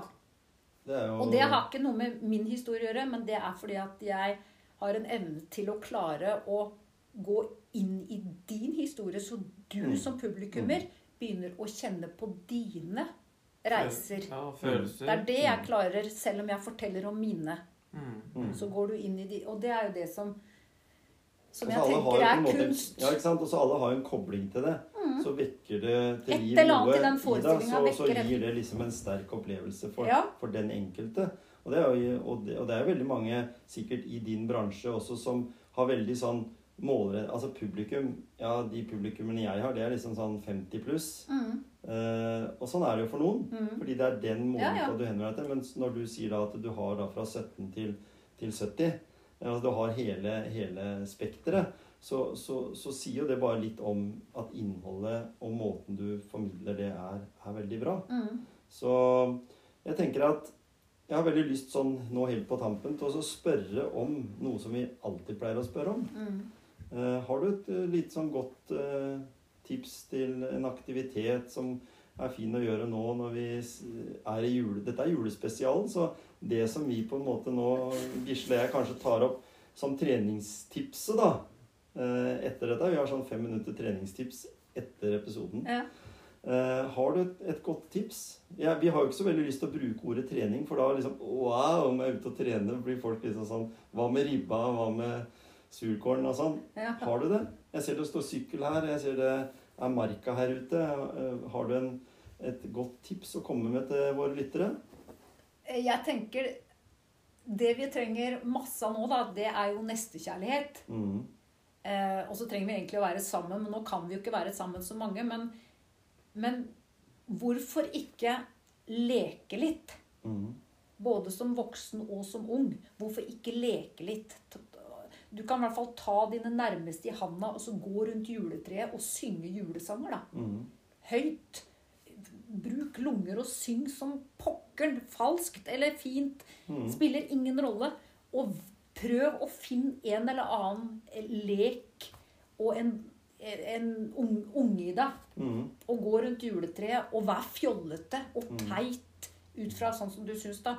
Altså, for det hadde jeg tenkt at herregud, nå er vi så teite og så fjollete, men fy fader, så moro. Ja, ikke sant? Og så bare sett en tid.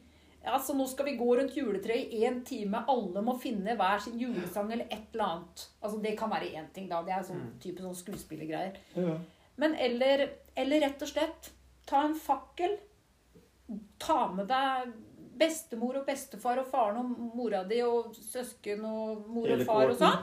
Ta, Gå et fakkeltog. Hvem er det som sier at du må alltid gå i fakkeltog når du skal demonstrere for noe? Nei, demos, ta med deg en fakkel, så blir det litt moroere med den fakkelen eller et eller annet sånt noe. Så går dere en kilometer eller to, og så snur dere, og så går dere tilbake, og så fortsetter dere med desserten. Gjør et eller annet, for som jeg sa, ikke sant, som du påpekte Alle dagene i sofaen, de glemmer vi. Mm. Alle dagene vi gjør noe spesielt, de husker vi. Og når vi sitter eh, som eh, godt, voksne og ikke klarer å bevege oss så veldig mye, så er det alle de dagene der vinden strøyk kinnet ditt oppå den toppen eller på den vidda, Mm. eller med beina i vann i sjøen, og du spiste reker, og så plutselig dukka det opp en, et eller annet menneske som sa noe fint. et eller annet. Alle de tinga vi husker. Vi husker ikke én eneste gang vi satt i sofaen. Det er absolutt sant. Og det er det vi gjør mest. Mm. Og det er ganske skremmende å tenke på. Mm. Og da avslutter vi dette intervjuet. Veldig inspirerende. Ja, vent litt. En Jeg liten siste ting. Kom med det. Nå er jeg stålsatt. Mhm. Jeg følger det bud. Der byder i høyden at vandre. Mitt lavlandsliv har jeg levet ut. Her oppe på vidden er frihet og Gud. Der nede famler de andre. Takk for meg.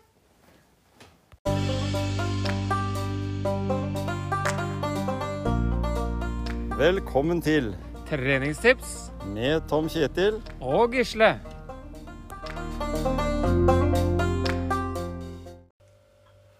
Ja, Gisle. En eh, god episode på vår podkast er jo ingenting uten et godt eh, femminutters treningstips. Ja, sant. Så hvis vi, hvis vi eh, tar litt ballen fra det Janne nevnte på, da. Mm. Det der med å finne på noe. Mm. Eh, finne på noe som er gøy. Mm. Være litt leken. Ja, Så er det jo utallig mange ting du kan finne på, da. nemlig. Det er eh, dra på skøytebanen med barn, barnebarn, mm. eh, tante, onkel Ja, you name it, da. Mm. Ettersom åssen Når familiesituasjon familien samler seg, ja, og Ja. også i hvert fall hvis en har problemer med Sånn som det blir sikkert i årets jul, da, at en må liksom tenke litt hvem, hvem får vi være med, og hvem får vi ikke være med. Mm. Mm. Så det var, det var et godt tips. Og så har jo jeg eh, hatt litt lyst til å tipse eh, litt sånn de som liker å drive utholdenhetstrening, da. Mm. Og kanskje ønsker litt bedre resultater, eller bare eh, optimalisere treninga, eller Mm. annen interesse, da. Det er, det er liksom litt den der med intensitetsstyring. Mm. Og det å tilegne seg kunnskap rundt det. Mm. Jeg syns jo det var så øh, kult sagt av Ånund, det derre øh, kun, øh, Kunnskap er bra, da. Mhm. Og forståelse er dynamitt. Mhm. For det gjør faktisk at resultatet blir bedre i andre enden. Så jeg eh, Så god forståelse med hva en driver med for trening. Ja. Mm. Og da tenker jeg at øh, vi bør ikke sitte og brodere ut om det. For Nei. det er det andre som har funnet opp for oss. Mm. F.eks. Olympiatoppen. Ja.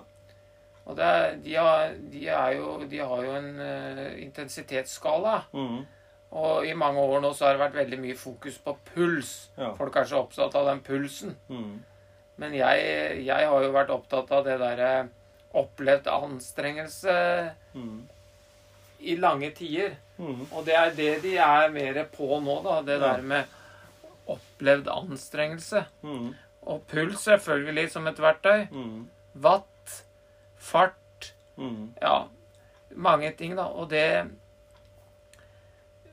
Jeg skrev en liten sånn en blogg eh, bloggartikkel som, har lag, som vi legger inn på motivasjonspreik-sida. På Facebook, ja. Ja, Mm. Som det er lett å klikke seg inn på Olympia, Olympiatoppen mm. sine sider. Mm. Gå på utholdenhet, Mhm. intensitetsskala, og så Der står det masse nyttig å lese om de tinga vi snakker om nå. Mm. Og snakker vi om bare eh, personer som eh, eh, skal eh, Eller altså som, eh, som er topputøvere, eller er dette generelt? Nei, jeg, jeg mener at det er generelt, da. Og kanskje mer generelt enn toppidrettsutøving. Ja. Fordi at eh, det er jo mange ganger vi går på trening da, og så, og så Ja, nå skal vi opp i 85 av makspuls. Mm.